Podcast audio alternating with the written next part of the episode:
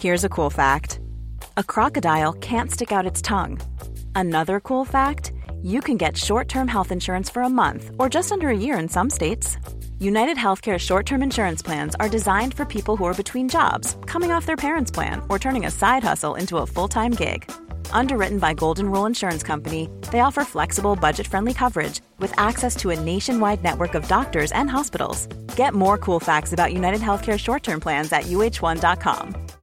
Millions of people have lost weight with personalized plans from Noom, like Evan, who can't stand salads and still lost 50 pounds. Salads, generally, for most people, are the easy button, right? For me, that wasn't an option. I never really was a salad guy. That's just not who I am. But Noom worked for me. Get your personalized plan today at Noom.com. Real Noom user compensated to provide their story. In four weeks, the typical Noom user can expect to lose one to two pounds per week. Individual results may vary. Hey, I'm Ryan Reynolds. Recently, I asked Mint Mobile's legal team if big wireless companies are allowed to raise prices due to inflation. They said yes. And then when I asked if raising prices technically violates those onerous two year contracts, they said, What the f are you talking about, you insane Hollywood ass? So to recap, we're cutting the price of Mint Unlimited from $30 a month to just $15 a month. Give it a try at mintmobile.com slash switch. $45 upfront for three months plus taxes and fees. Promo for new customers for limited time. Unlimited more than 40 gigabytes per month. Slows. Full terms at mintmobile.com. Hallå välkommen tillbaka till Hojpodden. Nu är det avsnitt nummer 30 här. Oj oj oj, trea nolla. Ja. Kör vi bingo idag igen? Ja, Och nu är det faktiskt det här dunderavsnittet som vi har lovat. Ja, exakt. Så jag tycker fan nu kör vi igång. Gör vi. Det tycker jag. Ja, nu jävlar.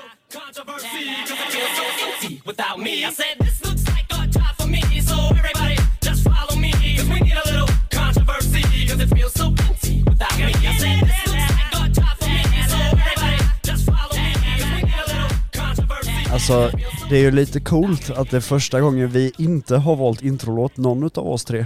Nej. Exakt. Det Är, är det skönt eller? För det brukar ta lite tid. Ja det gör det. Vi sitter ju och diskuterar väldigt länge om den här introlåten. Men Ja. jag tänker, ska vi nämna vem det är som har tagit den här introlåten? Det tycker jag definitivt. Eller vi kanske ska låta personen i sig presentera vem Väl, är. välkomna sig själv. Ska jag välkomna mig själv? Ja, det tycker Erland jag. Tim. Hej. Tim. Trevligt, trevligt. Värsta scenskräcken. Ja, men det är så Det, blir som press också när man liksom... ja, ja, ja. Nej men det är, så, Ja. men det är speciellt. Jag har aldrig någonsin varit med, alltså typ live så här. Men sen så också att, eh, ja så bygga upp för det. Lika svårt Ja. som ni är då att välja Ja. introlåt, det har jag haft också. Ja, Ja. nej jag Ja. förstår det. Men det roliga också är så här för att första avsnittet som vi släppte då, alltså jag satt lika spänd som, man är så här, man sitter på näven och man bara, Ja men man vet men inte vad- sen när man kommer in i det och börjar prata så här, Ja. då glömmer man bara bort det. Ja men det- tänk dig om en halvtimme, då kommer liksom allting vara kolugnt. Det blir Ja. flow i det. Verkligen. Precis. Jag ska bara slänga in en snabb disclaimer att jag är väldigt snorig av mig idag för att jag har blivit lite förkyld. Så Ja. att, Men eh, det löser Om ni hör någon snora då så är det tysk antagligen. ja men du ska inte säga något Moxie, du är lite snuvig du med. Ja, Jag blivit bättre. Ja. Men vi går, vi går varvet runt. Vi börjar med dig tyskan. Hur mår du? Uh, snuvig, jag är Ja, lite halv, halvtrött efter eh, hela historien. Ja. Ehm, men annars så mår jag fint. Ja. Och du då också? Ja, men jag målar bra, jag har med varit lite förkyld där men det, det börjar gå en bättre tid. Ja, det börjar klarna upp sig. Ja. Och du då Tim? Jag mår bra. Jag är lite sliten efter igår, Madcap. Ja. Eh, intressant dag. Eh, Det Ja. var mycket som hände där. Ja. Det kan man lugnt säga. Väldigt mycket. var, var, var en bra uppstart och, men lite tråkigare slut på dagen. Vi, Ja. kanske kan, vi, vi lyfter säkert det senare. Ja. du då, Ja. Mår du? Nej, jag mår fint tycker jag. Alltså, man är lite sliten så. De senaste dygnen har vi också haft lite så här, vi har inte sovit så mycket och det har varit lite så här fram och tillbaka och så Ja. kör man upp till Stockholm och så har det varit madcap. Men alltså hela, hela madcap-upplevelsen och så, så har ju varit hur grym som helst förutom i slutet då, som sagt. Men annars så, annars mår man toppen, gör man. Det, ja, det är Extremt liksom- skönt. Alltså extremt skönt. visst, det var lite jobbigt att gå upp i morse. Ja, För att exakt. man har liksom inte, alltså natten innan det här och innan vi åkte upp till Stockholm så sov man inte så jättemycket. Nej. För att vi kom hem väldigt sent, packade och allt sånt där. Sen gick vi och la oss och så direkt upp och ja, ni två i och för sig kunde ju sova på vägen upp. Ja, Men jag satt ju och körde hela vägen. Mm. Och sen nu denna natten sov jag, ja, jag sov ju mer gjorde jag ju. Ja. Men det var inte mycket mer än natten innan. Nej. Så att jag är ju rätt sliten om man säger så. ja nej precis. Och eh, vi vill bara också tillägga det nu att det är ju nu folk är tillbaka på jobbet, de flesta i alla fall. Så Ja, semestern är över. semestern är över nu. Bara jag som Ja. har gått på semester. Jag har det bra så. Ja, du har gått på semester nu alltså? Ja faktiskt, men det blir en kort semester, det är en vecka här nu. Så Okej. det, det är fullspäckat schema. Ja, men Ja, då- Ska du göra någonting mer sen eller? faktiskt, vi sticker ju till eh, Tyskland här nu eh, på onsdag. Så det blir Nürburgring, Oh. ringen, Åh, vad så, gött. eh, onsdag till söndag. Ska du köra en hoj då eller? Ja, jag kommer, Eller- ja precis, Eh, det blir Z2 blir eh, som jag kommer ta Oh. dit. Men sen så vi åker ju dit med hela Ghost Rider-teamet blir det. Som, eh, vi Men också det, kommer- det, Shit vad spännande. Det där vill jag verkligen... det, Ja. var ju, det var ju förra veckan då. För att det här Ja. avsnittet släpps ju inte nu på Exakt, måndag. ja, utan- ja, exakt. Ja, vi har redan varit Precis. där och kört där. Det är också det att när ni lyssnar då så kanske det är lite old news då med Madcap och sånt. Men, ja, för att det är eh, en vecka sedan. Ja, Men vi har ju spelat in ett Patreon-avsnitt där vi pratar om hela den här Madcap-grejen. exakt. Eh, Så att vill ni lyssna mer om Madcap och vad som händer där så kan ni hoppa in på Patreon tänker jag. exakt. Eh, Så vi kommer inte ta upp så mycket om Madcap själv, Nej. utan jag tänker mest att Tim får liksom ta över lite eller vad man ska Ja, säga. Ja men det Ja, blir det lite spännande. Och eh, jag tänker så här, vi... Egentligen, vi kan ju börja fråga dig med så här, alltså vem är du? Alltså, Tim? Tim, vem är Tim? Erland Tim, sociala medier, Ja. TikTok, Instagram, YouTube, allt det här. Mm. Började egentligen min så här, alltså, sociala medieresa eh, typ två år sedan, eller under pandemiåret. Ja. Jag jobbade då för en stor träningskedja så jag fick varsla massor av människor. Oj. Ja. Eh, jobbade som chef där och eh, fick varsla stor del av mina enheter och det slutade med att jag typ varslade mig själv i samma veva Oj. kan man säga. Eh, och det här ledde ju då liksom upp till att säga, oh shit, jag har massa fritid, jag orkade inte. Det hade varit ett jättetungt projekt liksom att driva runt det här för att det hade funnits utmaningar i verksamheten som jag hade löst och sen så var jag tvungen att kasta bort allting. Ja. Eh, men där egentligen började det med att jag började göra TikTok-videos och liksom dela mitt intresse. Mm. Och det var så här, det var en, bara så här, jag la upp en video på TikTok när jag körde med ZH2 Ja. eh, och gjorde liksom en eh, raksträcka liksom. Ja. Skrev sen 0 till 200, Z2 6, någonting Ja. sekunder liksom. Om det var det, jag vet inte. Det var, men, Men det var något sånt där. Ja men, men det var coolt liksom. Det kan då- också reta folk om det inte är exakt Ja, samma nej, nej, siffra, exakt. eller Men, så. ja, men det, det startade ju liksom di- diskussioner. Ja, alltså, vissa var ju så bara, "Äh, det där det är aldrig i livet, det hade inte gått så, här. så det var många som jagade upp sig. Men det som hände då, det var ju verkligen så att, ja, men, eh, jag fick ju typ 60 000 visningar på den. Ja. Och det var så här, jag bara, ah ballt. Ja. Folk verkar tycka det är coolt. Och då tänkte jag egentligen inte så mycket mer på det utan det var så här, jag köpte en kamera men inte för att jag ville börja lägga upp liksom aktivt videos på, på alltså, TikTok utan det var så här mer en säkerhetsgrej för mig. Ja. Att det var så här, Ja. jag, jag är ute och åker, det händer mycket saker och det är många i bilar som beter sig som idioter mot motorcyklister. Och jag är så här, händer det någonting, då vill jag kunna alltså, bevisa för min del vad det var som faktiskt hände. Ja. Så det var egentligen hela grejen varför jag började filma. Sen började jag lägga upp så lite buskörning och sådär och bara tyckte det var kul och sen så började det bara ösa in frågor och jag hade ju inget annat att göra på dagarna. Så du börjar med att svara dem Jag började, princip? ja, liksom. jag började svara på Ja. typ alla frågor. Så jag drog typ så här tre frågor om dagen. Eh, Ja, jag och- minns detta så väl. Ja, i en hel vecka. Och det bara så här, var, och det var så sjukt, varje gång jag öppnade appen då bara så här 100 nya, 200 nya, Mm. 300. Och den går ju så här, alltså när du får väldigt mycket följare på en och samma gång, då maxar den ju ut så här 100. Ja, exakt. Så, eller den, för så var det då, när appen ändras så får in mer följare, då kan du se det. Men förut var det så här låst som på Instagram, Mm. Ja. så här, det, det finns en cap-out där. Ja. Eh, men, eh, och då blev man så här, man bara shit, fan vad jag växer. Bara massa frågor kommer in, så jag bara, nej men jag frågar ju. För sanningen är ju så att jag har ju hållit på med Alltså jag har ju varit på två hjul sedan jag var tre år gammal. Alltså jag tog, ryckte stödhjulen från cykeln när jag var tre bast för att min polare som var två år äldre, han, han tog bort sina. Och jag bara, jag ska också. Jag ska också ta bort mina. och då började jag liksom cykla. Sen så började alltså så här, mitt tidigaste liksom, eh, tvåhjuliga, mo- alltså när vi snackar mot, motor, tvåhjulig Ja. motor. Det var verkligen så här en push max eller vad fan det var hos eh, mina farföräldrar ute så här, i Skultuna heter det. Och, och eh, där, där jag liksom körde som så här sjuåring. Ja. Eh, Och bara du vet, ja, men gjorde så här donuts och på gruset och busade runt som tusan. Ja. Eh, så att nej, och därifrån växte det egentligen. Alltså, sen så kom ju allting bara vart efter. Man började köra cross, alltså allt det när man var yngre. Sen så 13-årsåldern, moppe tidigt. Alltså 15, då blev det istället väldigt stökigt. Växte upp i Västerås, Bäckby, lite grann så här förorten om man ska säga så. Måste bara fråga en snabb fråga. Vad var det för moppe du körde? För jag tror många är... Min första riktiga moppe som jag köpte, det var ju en eh, DT50, så MX. Ja, okej, den ty- det var 92, lika Okej. gammal som jag. Så jag, är född 92. Ja, ja. Eh, Så vi var lika gamla jag och eh, moppen. Och den, den hade jag kvar länge. Alltså jag byggde ju om den. Alltså det var ju så här 70 kubiks Malossi-cylinder och det var, ja, alltså större förgasare rubbet. Alltså det var, inget, det var ingenting som var original på den där. Jag hade till och med satt på en crossving och grejer och allt möjligt. Alltså den var förstärkt som fan. Helt rätt. Eh, nej men så att jag körde som tusan med den där och där liksom växte ifrån. Sen så började man också även köra lite grann så här, ja, men tunga hojar. Och ja, det som jag säger, det, det var förorten. Och det var stökigt på den tiden. Och vi hittade på bus och vi Ja. gjorde dumma saker med hojar och det precis, alltså Jag ska inte sticka det under stolen. Jag var en Nej. snorunge i stal och hojar, mopeder och allting och stökade som fan när jag var liten. Och det gjorde Ja, också ja. att jag fick flytta ifrån Västerås när jag var 15. Ja, okej. Ja. Så jag fick flytta till farsan och Ja. kyla av mig lite. Kyla av mig. Ja. Ja. Men frågan är om jag ska kyla av mig själv för jag funderar på att öppna en dricka. Ja. ja men vi kan köra det lite snabbt innan vi Vi fortsätter. brukar ju börja med det här. Ja, jag tänkte säga det, annars kommer Ja. de sitta där på jobbet så kommer de säga Åh, har de inte öppnat en dricka än? Jag törstar ihjäl här. Ja nu när folk börjar jobba, ja, precis. Alla hör vad det är för dricka. Självklart.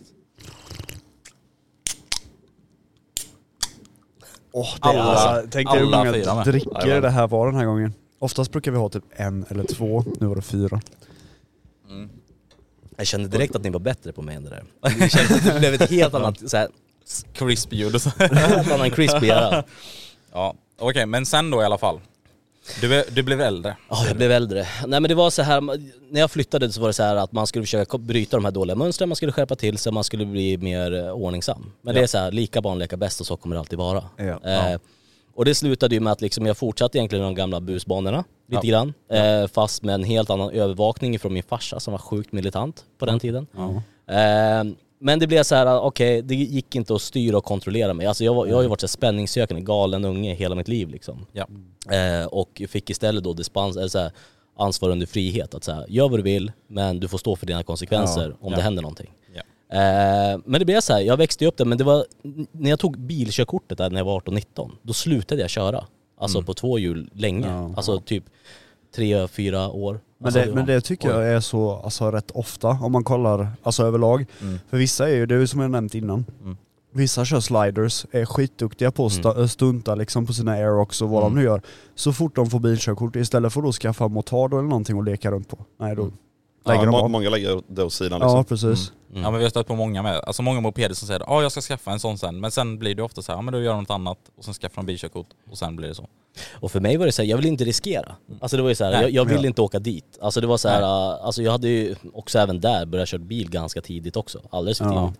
Eh, och det var ett helt under att jag ens hade lämpet kvar eftersom att jag åkte på någon olovlig där också. Men Ja. det åtalet ogillades i rätten. Så jag kom ju undan på det. Och det var ju bara så här, jag, jag hade ju bara sån jävla tur i allt. Du kom hade, alltså undan på det? Ja, jag kom undan på olovlig körning. Oj, shit, det är Jag, ändå jag hade min farsa som försvarare. Alltså, jag, jag, jag, jag, den dagen, nej, men grejen, det hände i Västerås. Var Ja. Själva, själva incidenten hände i Västerås. Åh, fan. Men jag blev kallad till eh, Lidköpings tingsrätt eftersom att jag flyttade till Vara kommun.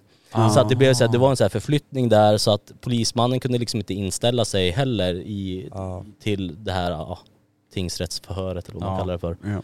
Eh, och, eh, nej men det blev så här, och det blev jag säger lite frågetecken, för jag fick ganska bra med spö.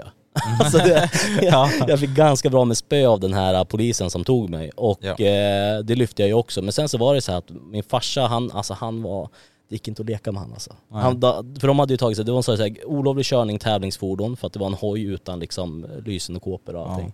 Eh, och eh, de, de sa att jag hade kört för fort på en cykelbana. Och min farsa han bara klev in så här, bara, riktig chef. Alltså, Och bara så här, nej men för det första liksom, ja, vad, hur har man uppmätt hastigheten? Alltså förstår Ja. du? Så här, vad, vad, vad, vad är det som säger att eh, Tim har framfört fordon för fort på en cykelbana? Liksom? Ja. Och då säger han så här, nej men det, det är polisens uppskattning. Och så säger han så här, jaha. Ja, då blir det rätt Ja men då, då, sa, då sa han så här, jaha, i min värld så finns det inte en människa i världen som kan bedöma hastighet med bara ögonen. Nej. Det är så här, det är omöjligt. Mm. Och det blev mycket sådana här saker som liksom inte stämde, så det var mycket som liksom fall mellan stolarna. Och jag kommer ihåg åklagaren som sitter där och tänkte det här det är en walk in the park, den här grabben han kommer inte se ett körkort på hela sitt liv. det, var, det var vad hon tänkte. Så började min pappa prata liksom och bara körde över. Jag bara såg alltså blicken och hon bara hon bara suckade och bara det här det kommer inte gå. Alltså det här var så slöseri med, på tid Ja. på hennes dag. Och sen så jag satt ju där och var så här uppklädd, alltså hade stilat till mig, kammat mig, skulle verkligen framstå som den här, jag har skärpt mig. alltså förstår du så här, Och satt där och bad om ursäkt och allt det här och eh, nej men alltså, sen så fick jag hem ett brev så här två veckor senare, så här, åtalet ogillas. Eh, och jag bara yes. Jävlar. Skönt. Så jag kan, ta, jag kan alltså. ta mitt kort. Så nej, där kom jag faktiskt undan på det. Men sen så har jag faktiskt haft, eh, haft turen i att eh, inte torska höll jag på att säga under den tiden. Men det som hände, alltså så när jag tog i alla fall bilkörkortet, då slutade jag köra eh, ett tag. Eh, sen så började jag liksom köra så här lite, men busa lite, låna lite hojar, ut och härja och tog tillbaka det här. Och eftersom att jag liksom då har kört, alltså man ska komma ihåg, jag har ju varit på två hjul från tre till, alltså i alla fall 17 år gammal. Dagligen nästan. Alltså så här, oavsett om det är en cykel eller om det är en cross eller om det är en moped så, har, jag, så har jag suttit på någonting och grejat och skruvat hela mitt liv. Ja. Eh, Och eh, nej, nej men det var så, här, så då var, var det så att det, kom tillbaka till mig någonstans. Mm. Och jag tror att någonstans var det så här, en för, försoning till min farsa som gick bort för fem år sedan, eller 2016. Han dog i en MC-olycka. Åh fan. Eh, och eh, jag tror att det var så här, någonstans för mig att så komma lite närmare honom någonstans och allt det här. Och det har det blivit också. Alltså för mig att göra videos, köra motorcykel och allt det här, det känns som att jag nog aldrig varit närmare min farsa än vad jag då. För att min pappa han var ändå väldigt, alltså igenkänd i Ja. liksom MC-Sverige. Men då Ja. var det just så här, Harley Davidson, Lidarhojar. Okej. Ja. Eh, Harley Owners Group och liksom eh, Free Riders Associations och lite sådana här grejer som han startade upp. Och så. anordnade utlandsresor och sådär. Ja. Eh, och jag kunde aldrig greppa det här. För att Ja. jag var aldrig en del av det. Jag var aldrig en del av farsans liksom, intresse på det sättet. Så jag kunde aldrig liksom förstå så att han är borta varenda helg och ute och åker hoj och du? Någonting som är helt naturligt för en själv nu liksom, att man är Ja. borta, man är ute och åker hoj Ja. hela tiden. Ja. Men, eh, men jag var ju aldrig en del av det då. Nej. Och eh, det på något sätt blev ett sätt för mig också att förstå liksom förlika mig i det här, att, alltså, hur, alltså vad det gav honom. För jag fattade inte vad, vad han hade gjort liksom för människor runt om sig först den dagen alltså begravningen kom. Alltså Ja. den Ja. MC-kortegen som var, alltså vi galen. Det var hur mycket motorcyklar som helst. Ja. Mm. Och, det var, och alla kom fram, ville paid respects och ja, men det, var, det var en sjukt bra liksom, begravning. Och det var då jag först fattade liksom, shit, farsan har ju verkligen gjort någonting. Alltså det är Ja. omöjligt att det dyker upp så här Ja. mycket människor. Nej men det blir svårt att greppa det annars så, Ja. men eh, när man ser det framför sig så blir det ju en helt annan... Och jag vet inte, och någonstans så har, har det blivit så också att det är vänner till mig som skriver bara Fan du går i din farsas fotspår, och det gör jag väl på något vis. Alltså med att göra videos. Jag gör det bara på ett helt annat sätt och ett annat forum och det har blivit så mycket större eh, på något vis. Ja. Och det var där allting egentligen, alltså jag tror att det är där någonstans det kommer ifrån. Det är, mitt, mitt intresse för, för, för eh, motorcyklar och tvåhjuliga fordon har inte influerats egentligen från farsan så. För det har alltid varit så naturligt. Ja. Jag blev så här helt galet, alltså jag fick så här osund liksom förtjusning till, till cyklar när jag var liten. Så jag cyklade Ja. ner för rutschkanor och allt möjligt. Alltså, jag var helt galen. Ja. Jag var känd, jag var känd i mitt område som jag bodde i, att jag, alltså när jag var så här tre, fyra pass gammal. Här grabben som har en knallgul cykel och är sjukt duktig på cykla. Eh, Ja. Så det, det har liksom hängt med det hela vägen. Ja. Jo det, det är ju en fördel sen när man väl ska börja ut på vägarna med en hoj och så. Alltså hela den... Ja, men så, det, ja. det blir ju så här, jag, jag säger så här, det finns två typer av erfarenheter du kan ska, skaffa dig när det kommer till att liksom köra. Och den ena erfarenheten det är ju den rena tiden du sätter dig på att är på två hjul, oavsett vad det är. Och liksom fatta konceptet kring att så här, så här kör jag framåt, så här svänger jag, så här stannar jag och så här vänder jag. Ja. Det är liksom den ena delen, den Ja. rent praktiska delen. Sen så har du den här erfarenheten som är den rent tekniska delen. Där du skapar erfarenhet och förståelse på en helt ny nivå Ja. på ditt forum. Och det, är det, och det var också det jag någonstans i det här med, med TikTok försökte belysa lite grann. Att så här, förstå ditt fordon så kan du på sikt ta bättre kalkylerade risker Ja. eh, och bli en bättre förare. För jag, jag, jag är helt fast och slår helt fast vid det. Du kan tro att du är Valentino Rossi, men Ja. kan du inte skruva en hoj och förstår inte du hur hojens komponenter fungerar så kan du inte köra. Nej. Ja. Det är bara så. Det är Det- Det är helt rätt. smart sagt. Ja. Du, du vet, du, du, för har du inte den, den förståelsen och insikten, då vet du inte vart ditt fordons begränsningar sitter. Ja, nej. Och då har, vet du Nej, inte vart gränsen precis. går, då kan du inte kalkylera risken. Nej, nej Sim. men det är väldigt sunt sagt ja. Så, ja, men i, i alla fall det jag tänkte fråga också lite innan för att eh, jag har ju också sett att du har ju, du har ju ändå hållit på lite med, med bilar och sånt även, men gick det verkligen, alltså det gick lite från att du var bilintresserad och hade lite så finare bilar, sen gick över till då Ja, nej, men- MC Nej, igen? men så, så var det. Jag hade en del eh, riktiga snabba rishögar. Ja. Nej, nej, men, nej men jag höll på, jag hade ett bilintresse ett Mm. tag. Eh, och liksom, men, men bil har aldrig riktigt varit min grej. Det var ju det som var hela grejen med gymnasiet och sådär också, att jag sökte egentligen en MC-teknisk linje i Lidköping, kom inte in på den. Eh, men fick mitt andrahandsval som var fordonstekniska istället, eh, på en annan skola. Eh, vilket jag hoppade av efter ett halvår. För att jag liksom, jag bara, jag kan inte skruva bil resten av mitt liv, för fan jag hatar det. Förstår dig. Ja, nej, det, det, är, det är värdelöst att skruva bilar. Ja, men det är så här. Ja. Men jag hade ändå ett intresse där någonstans, men, men det, liksom, det växte aldrig på sig. Det var så här, ja, jag ändå växte upp, pappa körde också, vet du, tävlade i Top Fuel Dragster när jag var liten och sådär och jag hade såna här grejer för sig.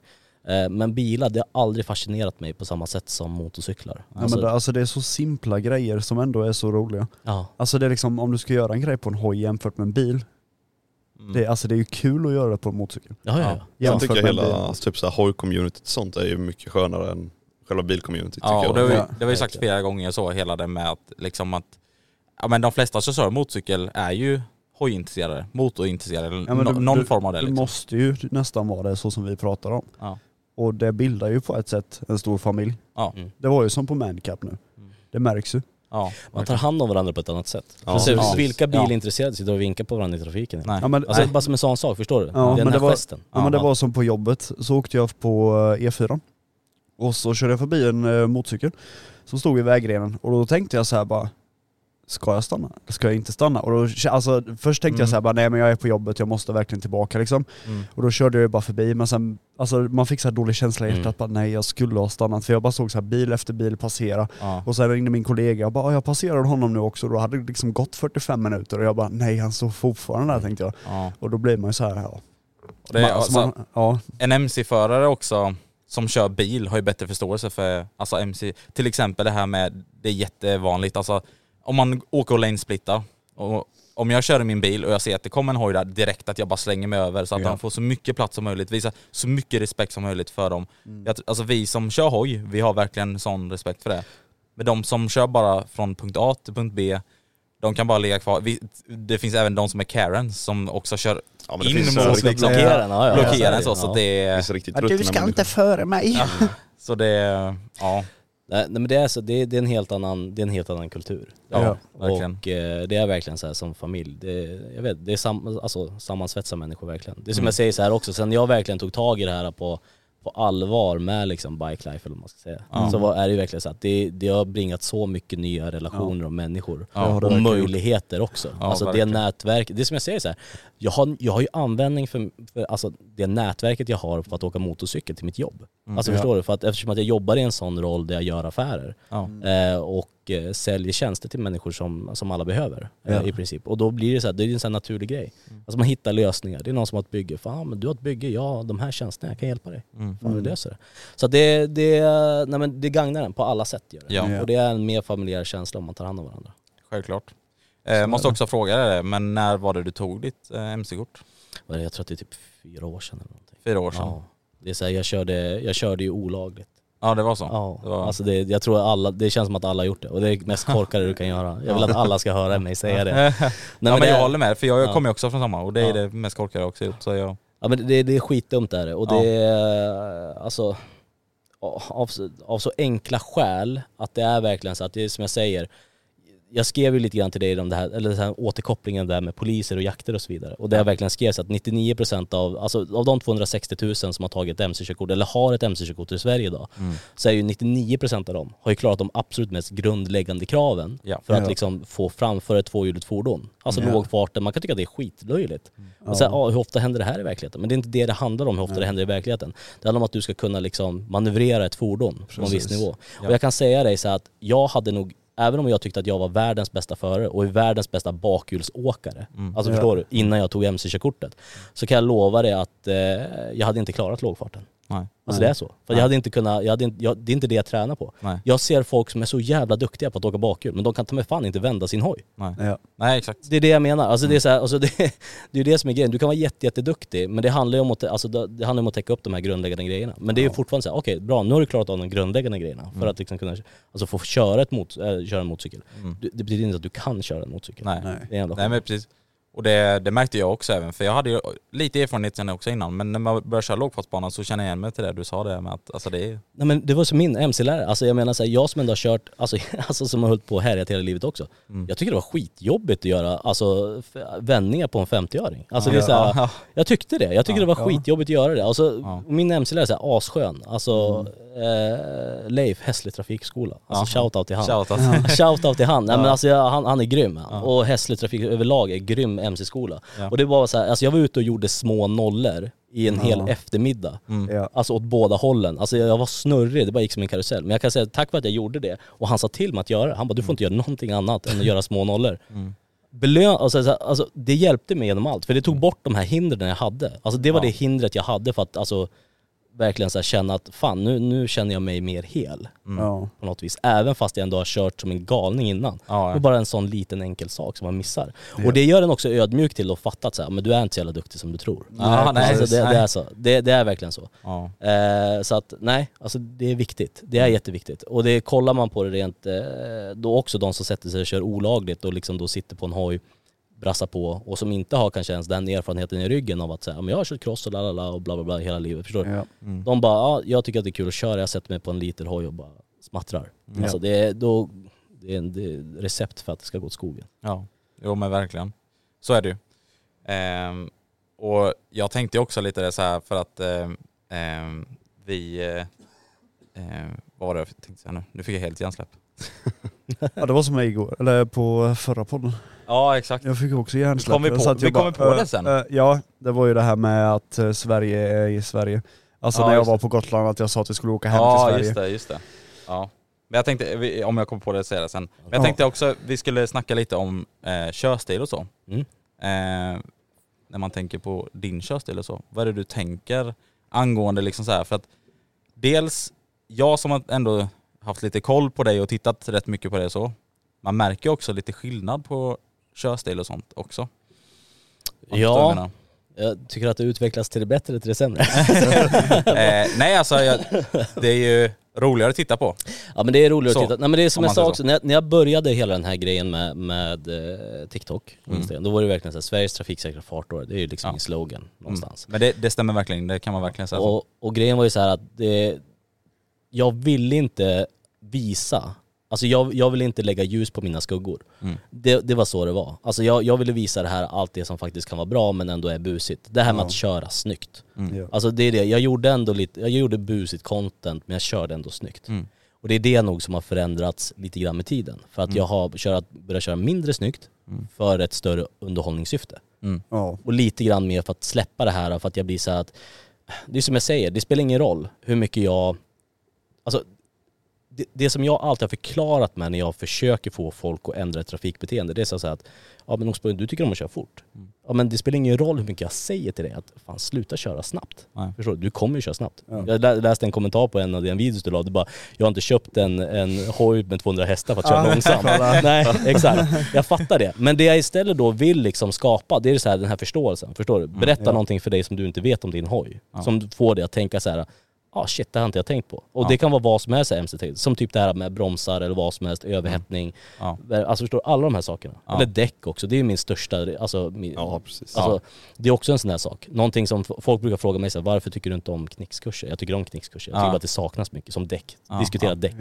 Det är väl typ A och O liksom, Ja. när du går ut på en bana känns det som. Ja. det är det enda som håller dig vid liv i princip liksom. Så, Ja exakt. Men, det, men, men det är väl det som har förändrats någonstans med tiden också. Att det blir så här. Jag använde all den här bu, snygga buskörningen som attraktionsmarknadsföring för att dra in folk. Ja. För det är så här, du lyssnar inte på någon som du inte respekterar. Är du en fartåre så respekterar du bara en fartåre som är snabbare än dig själv. Men även, Eller om man, även om man gör liksom snyggt och på ett bra sätt så finns det alltid någon eh, som Ja, ska ja. hålla på och klaga och sånt. Så. Ja, ja det är så också. Men det är så här, och det var ju det så här, hur fångar jag upp de här människorna? Jo, med sånt content. Och sen så lägger vi till någonting på det. Och jag gjorde det här länge, men sen så, alltså det är så här, orken går ur en lite. Mm. För att det är jättemycket jobb och det är ett litet incitament på sista raden. Ja. Ja. Och det ska man ändå komma ihåg, alltså jag försöker att inte prata så mycket om det vad jag jobbar med och vad jag har gjort och så vidare. Men Ja. jag har ju jobbat i väldigt eh, ansvarstagande roller. Ja. Eh, och där jag också har, alltså det här, allt det här med budget, alltså förstår du, lönsamhet, alla de här sakerna, det är viktiga frågor för mig i, i de rollerna. Och i början så räckte det för mig med det här uh, utbytet av att det kändes som att jag gjorde en skillnad. Ja. Eh, men sen med tiden så blir jag bara så här, det blir mer och mer och mer i mitt liv. Ja. Eh, och då blir det svårare och svårare att motivera för mig själv. Eh, och det är som, och efter det här kraschen, eller efter, efter det, jag bad KTM nu lite grann och, och tack, alltså fara och tacka för mig. Eh, så har det dra, alltså förstår, förstår du, försvunnit ur mig lite grann att jag tycker inte att det liksom är lika roligt. Alltså den, hela den grejen bara var så här, bara shit jag gör det här jobbet och känner att jag har ingenting tillbaks för det egentligen. Och då blir jag så här, ah, det dödar mig lite. Men jag kommer hitta tillbaka till det liksom. Och då har det ju blivit mer så här content, Ghost Rider och allt det här som vi kommer komma in på sen Ja. också. Och Ja, vad som hände där och Ja. att jag liksom gick ifrån KTM branding till att verkligen gå ut med Team Ghost Rider. Ja. Och där är många nyfikna och undrar så här, Ja, fan, man märkte Ja, en- stor skillnad gjorde man ju liksom Ja. så här. Ja. Och, där, och då förändrades också lite grann vad jag la ut. Eh, för Ja. att det är en annan Ja. typ av liksom marknadsföring. Ja, det, enda, det enda jag har i ryggen är att jag kan, jag kan stå för och berätta att jag, jag kan de här sakerna, Ja. bevisligen. Mm. Eh, Ja det betyder inte att någonting är rätt. Alltså Nej. allt Nej, det här nej. är fel. Det är det som är grejen. Allt det här är fel, men det är extrem underhållning. Mm. Och, det, och, det är det, och det är det som händer i samhället idag också om du tittar på det. Alltså förut så kunde folk nöja sig med att titta på en boxningsmatch. Mm. Det var nice. Ja. Idag är boxning ingenting. Jag tävlingsboxades när jag var, när jag var i 15-årsåldern. Var jätteduktig. Mm. Eh, men, och har många polare till mig som också är professionella boxare idag. Ja. Finns inga pengar i branschen. Nej. Varför Nej. inte? För att det inte är tillräckligt extremt. Men Ja. kolla på UFC. Mm. Där Ja. folk vill se, alltså folk vill ju se folk bli Ja. slagna, Mm. blodiga och halvdöda liksom. Precis. Skulle det komma ut något värre då vill de se det med. Ja, ja, det är Alltså, så. är det och så är det också med underhållning och sociala medier. För det är helt enkelt trappa upp för att vi blir mer och mer och mer avtrubbade. Alltså på, den, på den, den sidan. Exakt. Och då blir det så här, okej, varf- men varför gör du det för om du hela tiden måste göra det värre? Mm. Ja, nej för att det är kul. Att jag köpte inte en hoj som har 200 hästar för att åka långsamt. Kommer det, tillbaka. nej, det, det kommer tillbaka. Men det Ja. är rättfärdigar inte. Ingenting av det här är rätt. Men det är sanningen. Alltså det är som jag säger. Ja. Det, är- det är så här, våran skugga. Det är alltid någon som ska hålla på och klaga men det, Ja, ja. så, så kommer det alltid vara liksom. Ja. Jag säger det verkligen. Och det är som jag säger också, de, de som klagade som mest på mig i början är mina största fans idag. Mm. Alltså mina, mina mest supportiva följare, jag älskar dem. Precis. Jag älskar de som satt och bara hatade på mig när jag förklarade saker i mina Ja. tidiga videos. Ja. Och som sen har skrivit till mig bara fuck du, jag, jag klarade mitt MC-körkort igår. Mm. Och jag har använt dig som inspiration hela vägen. Ja. Och, jag blir, och det värmer. Alltså det finns Ja. ingenting som värmer så mycket som när man känner fan jag har fått fler människor att ansluta till Ja. den här alltså, sköna familjen på något vis. Precis. För har, man, har man ändå följt mig och varit med mig och, och inspirerats av det, alltså då kommer du bli en skön, alltså skön MC-förare. Ja. Jag kan ju säga så här, för eh, jag tog ju mitt eh, MC-kort 2021 var det. Det var under den tiden du började, eller alltså du höll på och allting så. Och du var ju en stor inspiration där med. Visst, alltså det, det, jag har haft många inspirationer så, men det här du gjorde liksom på TikTok, det var en helt annan grej. Det fanns aldrig i MC-Sverige och så. Och det blev så här, du svarade så vänligt på alla frågor och det var allting så här och man blev mer liksom taggad och sugen. Så att det fick mig också inspirerad så. Så du också är faktiskt en inspiration av... Fan, kul att höra. Jag Ja. blir, jag blir så här lite generad samtidigt. Ja, höra det. Ja. Ja. Nej men alltså det, det är också det vårt budskap som vi också med den här podden och med mig, alltså Ostbågen och så, att vi vill ju få fler att köra och ha kul och Vi, vi har ju även fått på vägen. höra att vi har inspirerat folk till Ja. att skaffa MC-kort Ja. också. Jag vet, vi har ju haft några som har skrivit att de har tagit MC-kort på Ja, grund alltså- av att de lyssnar på podden eller Ja. att, de, att, vi, alltså att de har tagit Ja. hjälp av podden Ja. för att underlätta eller faktiskt ta det här steget och gå till en körskola. Men det är lite därför med vi startar podden då, för att kunna lyfta upp det här nu alltså, Ja. mm. som, vilket är väldigt kul. ja. Ja, för Jag det, trå- men det tråkiga är ju just det här, som jag sa innan, folk kör moppe, skaffar bil, slutar. Och det är därför jag tycker det är så skönt att vi drar oss till en yngre generation, alltså just den här moppe-generationen innan de skaffar bil. Ja. Och att de lyssnar på det här, för då blir det liksom så här, ja men istället för att ta bil så kanske jag kan ta motorcykel. Alltså visst, nu Ja. ska de inte skita i att ta bilkort Nej, liksom, nej, men, men ja. då kanske de blir ännu mer sugna på att fortsätta. Ja. Det är i alla fall det jag hoppas på. ja. Och jag tycker också det är lite kul för ibland frågar folk till mig typ så här. "Och jag har uppkörning om två dagar eller imorgon eller någonting så här och då frågar de så här, är det någonting jag ska tänka på? Ja. Och då brukar jag så alltid hjälpa till och peppa dem och så här, lycka till och så ger dem mina tips liksom så. Sen får man ibland så här dagen efter så bara, jag klarar körkortet. Och då, det värmer bara att höra det. Ja, det, det är så. så, det är så. För så här, man vet ju inte, alltså det är klart att jag ska, man ska inte ta åt sig det att liksom, "Ja, det var tack vare mig, men alltså man, man ändå liksom så här att man ser det liksom att de, Man, man, man, man, man var med på vägen, det är Ja, det. ja, Alltså, ja, precis. det. Det är den känslan. jag fick liksom vara med lite när han skrev innan och sen bara jag klarade Men- det. Och då blir man glad. Så Ja. Men det räcker med en liten putt i rumpan liksom. Ja. Och så Och jag tycker det är också viktigt, vi liksom så här kreatörer, att även om liksom så här, vem som än skriver och eh, liksom funderar, eh, eller har frågor och tips och allting så här. Alltså all, man ska bara vara pushande mot alla och så. Ja, jag precis. tycker det är viktigt liksom för att eh, alltså vi, vi alla är samma familj är det liksom. Precis. Och eh, de vill ju bara joina vår familj och vara med och det kommer bara utvecklas mer och mer. Om. Jag, jag har reflekterat på det för att jag vet att ni pratade om det i era tidigare poddar och det Mm. var så att men vi vill svara alla, vi vill liksom ha kontakt med alla. Jag är precis likadan. Ja. Men det går också till en gräns. Det gör det. Alltså det är så här, och jag, har, jag ligger någonstans på den gränsen. Jag vet att det Ja. är många som ligger i mina DMs som jag Mm. inte har svarat på. Mm. Och till er så vill jag ändå bara säga så här, jag, jag har sett er. Ja. Eh, och jag vill svara er. Mm. Men, men eh, det är så mycket i livet ibland. Mm. Och Ja. det går inte. Nej. Alltså jag har över 8000 brevvänner på Instagram. Ja, och det, det, det, och det, det är så här, jag försöker verkligen och det är helt Ja. omöjligt att underhålla de relationerna. Ja. Så att jag, så här, jag ska försöka underhålla den, de relationerna där, samtidigt ska jag försöka underhålla mina relationer i mitt arbete. Ja. Som också är en väldigt stor del. Ja. Någonstans är det ju någon som har räknat ut att du kan bara skapa 150 meningsfulla relationer under hela din livstid. Det är helt omöjligt och då känns det så här att man känner sig otillräcklig. ja. Alltså det är Ja, det, man, man vill ju liksom så här. Men Ja, jag har också tagit precis. så här steg till att försöka inte komma undan men så här, ja, men jag har stängt av att du kan inte kommentera mina händelser till exempel om, Ja, inte, jag inte följer precis. dig eller liknande Aha, och sådana okej. saker. Ja. Eh, och lite sånt där och det är egentligen också bara lite grann för att distansiera mig. Och sådär. Men det är självklart, alltså det är som, fan jag vill svara alla. Mm. Det vill jag. Ja, och, jag, och, jag, och det är så här, och det, det, det vill man göra och det tycker jag att vi ska försöka göra och liksom ta hand om det. För det är precis som ni säger, det här är ju bara människor som vill, som vill komma in. Men det jag vill säga till det, alltså titta på våra videos också. Mm. Alltså det är så här, många av de frågorna som kommer in finns det svar på. Ja. Du, ja, har, det du, har, du har ja. bara inte tittat på videosen. Ja. Det är och, och, det är det. och det är därför du ligger kvar i min DM lite grann. För att om jag Ja. vet att jag har gjort en video som förklarar det här, och många grejer har jag förklarat flera gånger. Ja. Och då blir jag så här.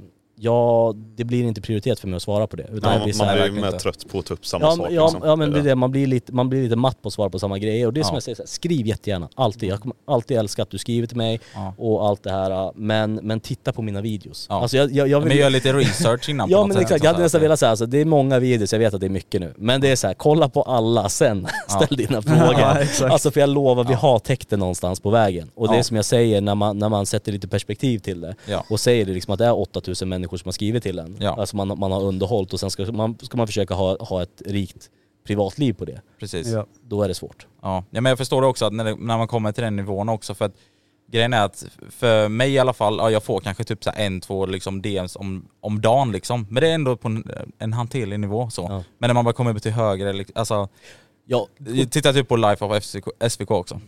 Alltså jag har ju hört vad han har sagt själv också så. Men det bara trillar in ja. DMs hela tiden. Och han har ju liksom flera bolag och allting han ska stå i och hålla, alltså det är ju... Alltså jag är så imponerad av Linus. Alltså, Ja. Hö- hör mig nu Linus. Alltså, men det är verkligen så här, men han, han är ju verkligen en, en, en inspiration för unga människor om du Ja. tittar. Alltså så, han lever livet till fullo, han har så mycket projekt igång, han har ett rikt familjeliv, Mm. han är liksom, han har hälsan med sig, allt är bra. Alltså det finns ingen som är som Linus. Alltså han är en maskin. Ja, Alltså, ja men han, han, han, han, men han är grym han. Och det är så här, och det, jag hoppas att det är det folk ser som följer honom och Ja. inspireras av. Att Ja. de, man ser de delarna. Att man inte bara ser någon som bara är här, lite halvgalen, skön, men och du vet så här, förstår du? Och hittar på massa balla saker bara. Utan det är så här, hel, hela hans liv. Alltså det är som jag säger, jag tittar på Linus, Linus jag ser upp till dig om du hör det här. Alltså det är verkligen så. Nej men det är så. För att Mm. Ja men det är jag, samma här för oss med ja, liksom. ja, jag, jag tittar på hans liv och tänker så här, fy fan jag vill ha den där balansen. Mm. Sen så är det så att det är aldrig så som man tror. Alltså förstår du? Att man tror att det är liksom så enkelt. Eller så kanske han har det så enkelt, jag har ingen aning. Nej. Men det är fortfarande någonting att där ska man se. Men det är som man säger, där, det dyker ju en massa fan. Och han, men han är så skön, han, han, han drar ju ut alla i ljuset som är Ja. dumma. Ja, ja eller hur? det, är det, alltså, det är egentligen det som är från Det är början, också- det här med super retards, alltså det här Mm. med att, ja. Att man gör så, det är också underhållande för en själv liksom. Ja. När man läser sånt. Ja men det, definitivt. Och också lite kul det du sa det här med alltså, researchen och det, alltså, som vi pratade om innan, jag var bara tvungen att tillägga det, men det är också det enklaste som finns. I våra videos står det, har vi skrivit i beskrivningen varje video, att vi kör Jönköping. Mm. Kom ändå in kommentarer. Var bor du? Eller var kör du? Vad har du för kamera? Ja, och allt. Vad är det för hoj? Ja, ja alltså det där. Ja, men, men den roligaste kommentarerna måste nog ändå vara om det ligger upp en motorvlogg på era kanaler, eller om man typ lägger upp en TikTok där man kör förbi, ja men säg då Torpa Jönköping, och så kommenterar någon bara åh det är ju Torpa! Ja men det De är bara, ja, ja. väldigt, Ja. väldigt Ja. ja. Ja, jag fattar vad ni menar. Nej men det är så här, vi älskar alla som, som skriver och hör av sig. Ja, men, verkligen. eh, Men eh, vi, det behövs balans i livet. Ja, verkligen. Med andra ord så ska ni bara skriva till oss och inte till. Ja, men, nej, nej, men det, men det är så här, nej men det, det, jag, jag, jag fick ju fira igår lite grann, jag slog 100 000 följare på Ja, det. Instagram igår. Det var kul. Grattis igen. Ja, Tack grattis, så jättemycket. grattis ja. Men, men där är ju också så att på min Instagram, alla mina följare där, det är ju bara Skandinavien. Mm. Alltså det är inga, alltså nu, nu har det kommit lite grann från Frankrike, jag vet inte, jag har typ slagit igenom i Frankrike på TikTok, Ja. jättekonstigt. eh, när jag kör mot RS3. Men det är Ja. så här, men på Instagram så når jag ut till hela världen. Mm. Eh, Verkligen. och eh, det märks. Och Mm. det kommer Ja. då också frågor från hela världen Ja. som inte har sett mina videos. Svarar på massa engelska Ja, frågor och så. Mm. så är det. Ja, de, de har Ja. ju ingen ursäkt till, eller du kan Nej inte säga exakt, till nej, dem, ja nej, men kolla på mina Nej exakt, det, bara." det, det, de kan inte säga det till. Så där, Nej, där får jag ju faktiskt vara lite snygg. Eh, Ja. och bara Ja. så här, vara ödmjuk och svara. typ Det ska, ska man alltid vara ändå men det, Ja. man Ja. fattar vad jag menar. Men som Foss då, då är det fortfarande på en ganska hanterbar nivå. Vi Ja. får inte så, så Nej, pass verkligen. mycket. Ja, För mig, är- inte för mig är det rätt heller, lugnt alltså. jag jag chillar här på mina typ 400 följare på Insta. Nej, så det är lugnt på det sättet. Ja, Håll det, håll det där. ja Det jag, skönt. jag tror jag håller mig där alltså, det, det räcker. Ja. Nej men jag tänkte i alla fall fråga den frågan som nog mest människor eh, undrar just nu. Ja. Vad händer med KTM? Vad händer med KTM? Ja, nej. nej men Det, eller det har jag sett i dina kommentarer i alla fall att folk... Ja, alltså det ställs frågan jättemycket och folk har velat att jag ska göra en video på det här och jag har sagt att jag ska göra en video. Ja. Och det är nog enda gången, alltså jag, jag brukar vara så här, säga att jag ska göra någonting, då gör jag det. Ja. Eh, Men här har jag varit sjukt dålig på att faktiskt ta tag i det. Men det är så här, i alla samarbeten och relationer så är, behövs det liksom ett förtroende, det behövs liksom en, en förståelse för varandras mål och varumärke och det behövs ett ja. incitament. Ja. Alltså som liksom leder till det. Och det som egentligen hände var väl egentligen att så här, jag såg inte längre vad jag gagnar på det här. Ja. För grejen är jag gjorde, jag gjorde ett eh, avtal med djävulen kan man säga. Ja. Eh, när jag skrev under som ambassadör för KTM. Och det var så här att jag fick ingen direkt ersättning eh, på det sättet. Eh, man kan diskutera så ekonomiskt bortfall eller liknande, att det gick att göra lösningar på saker och ting. Men jag fick liksom inte ut någonting. Istället så hade jag typ en, en muntlig form av liksom ambition Ja. med min kontaktperson som jag hade. Eh, och eh, där det liksom fanns här, men år ett gör vi det här, år två skulle vi kunna göra det här, men år tre då vill jag ha det här, det är det ultimata som jag vill uppnå. Det är liksom, jag vill in på Dplay, jag vill att vi drar ihop som sponsorer, vi gör någonting riktigt ordentligt och kommer ut i riktig media. Alltså Ja. det här med sociala medier, det är roligt och ballt, men det är fortfarande inte riktig media på Nej. det sättet. Nej. Och det var det jag ville göra någonstans. Men då var det så här, och det var ganska bra. Alltså det var, det var schysst att köra för dem och Mm. och sådär. Men det kom ju sina hiccups liksom med lite olja på vägen och Ja. lite annat sånt där. Ja. Men, men också under den här tiden så eh, var det folk som gick på mammaledighet, nya människor på marknad och allt det här och jag kände bara mer och mer hur eh, ja men liksom hur kommunikationen inte satt riktigt. Det fanns inte där och eh, det, man hade liksom tappat bort den här, den här, det här målet. Så jag kände mig mer bara som, jag kände mig mer bara som någon som skulle bara trycka ut en massa content och marknadsföra dem för ingenting. Eh, och det var väl så här att, ah, alltså jag vet ju hur det är att vårda relationer och bygga liksom i jobbet och sådär. Och det är ju samma sak där. Jag måste ju liksom svarva hela tiden, hålla igång det här men jag kände bara mer och mer hur det liksom dog av för mig. Sen så var det så här, vi hade ett möte efter, eh, efter den senaste kraschen då, eh, med 890 där, med framljuspunkteringen. Eh, och eh, jag fick bara så dålig smak i munnen. Jag satt där med, jag, jag satt på videolänk med, med tre representanter ifrån dem Eh, och eh, ja, men där man börjar så här lyfta, ja, men börja ta upp saker som jag liksom kände att det här har inte kommunicerats till mig, jag hade ingen aning om det här.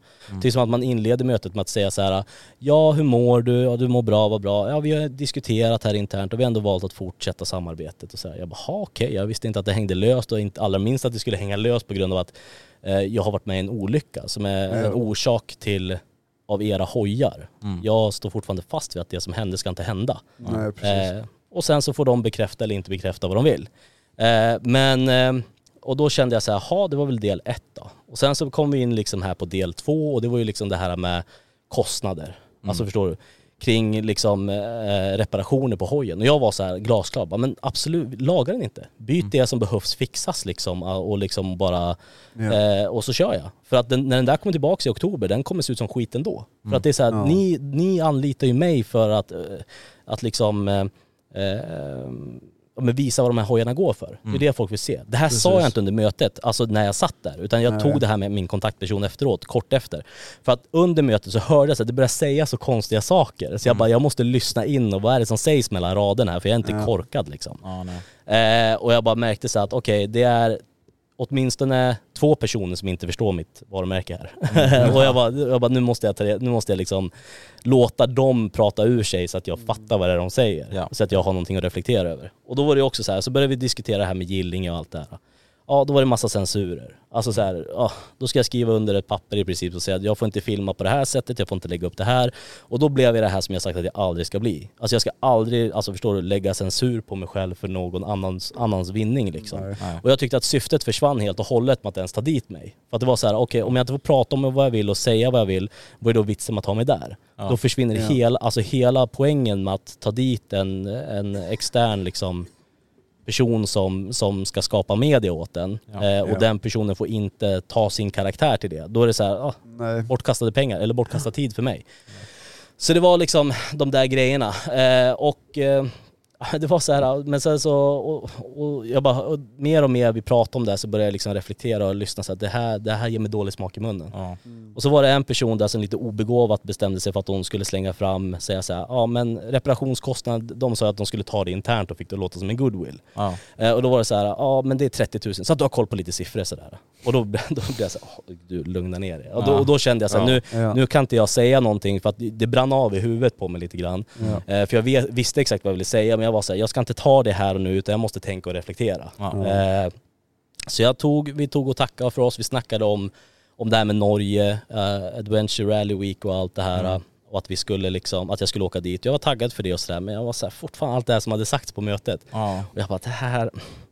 Ja, Det här fick är inte... en, nästan en klump i magen Ja, efter ja, det. så här. ja, ja, men det var så här, jag fick jag kände så här, jag bara fan alltså, jag känner att jag kan inte lita på dem, jag vet inte vart jag har dem och det är så här, de tjafsar om saker de inte kan tjafsa om.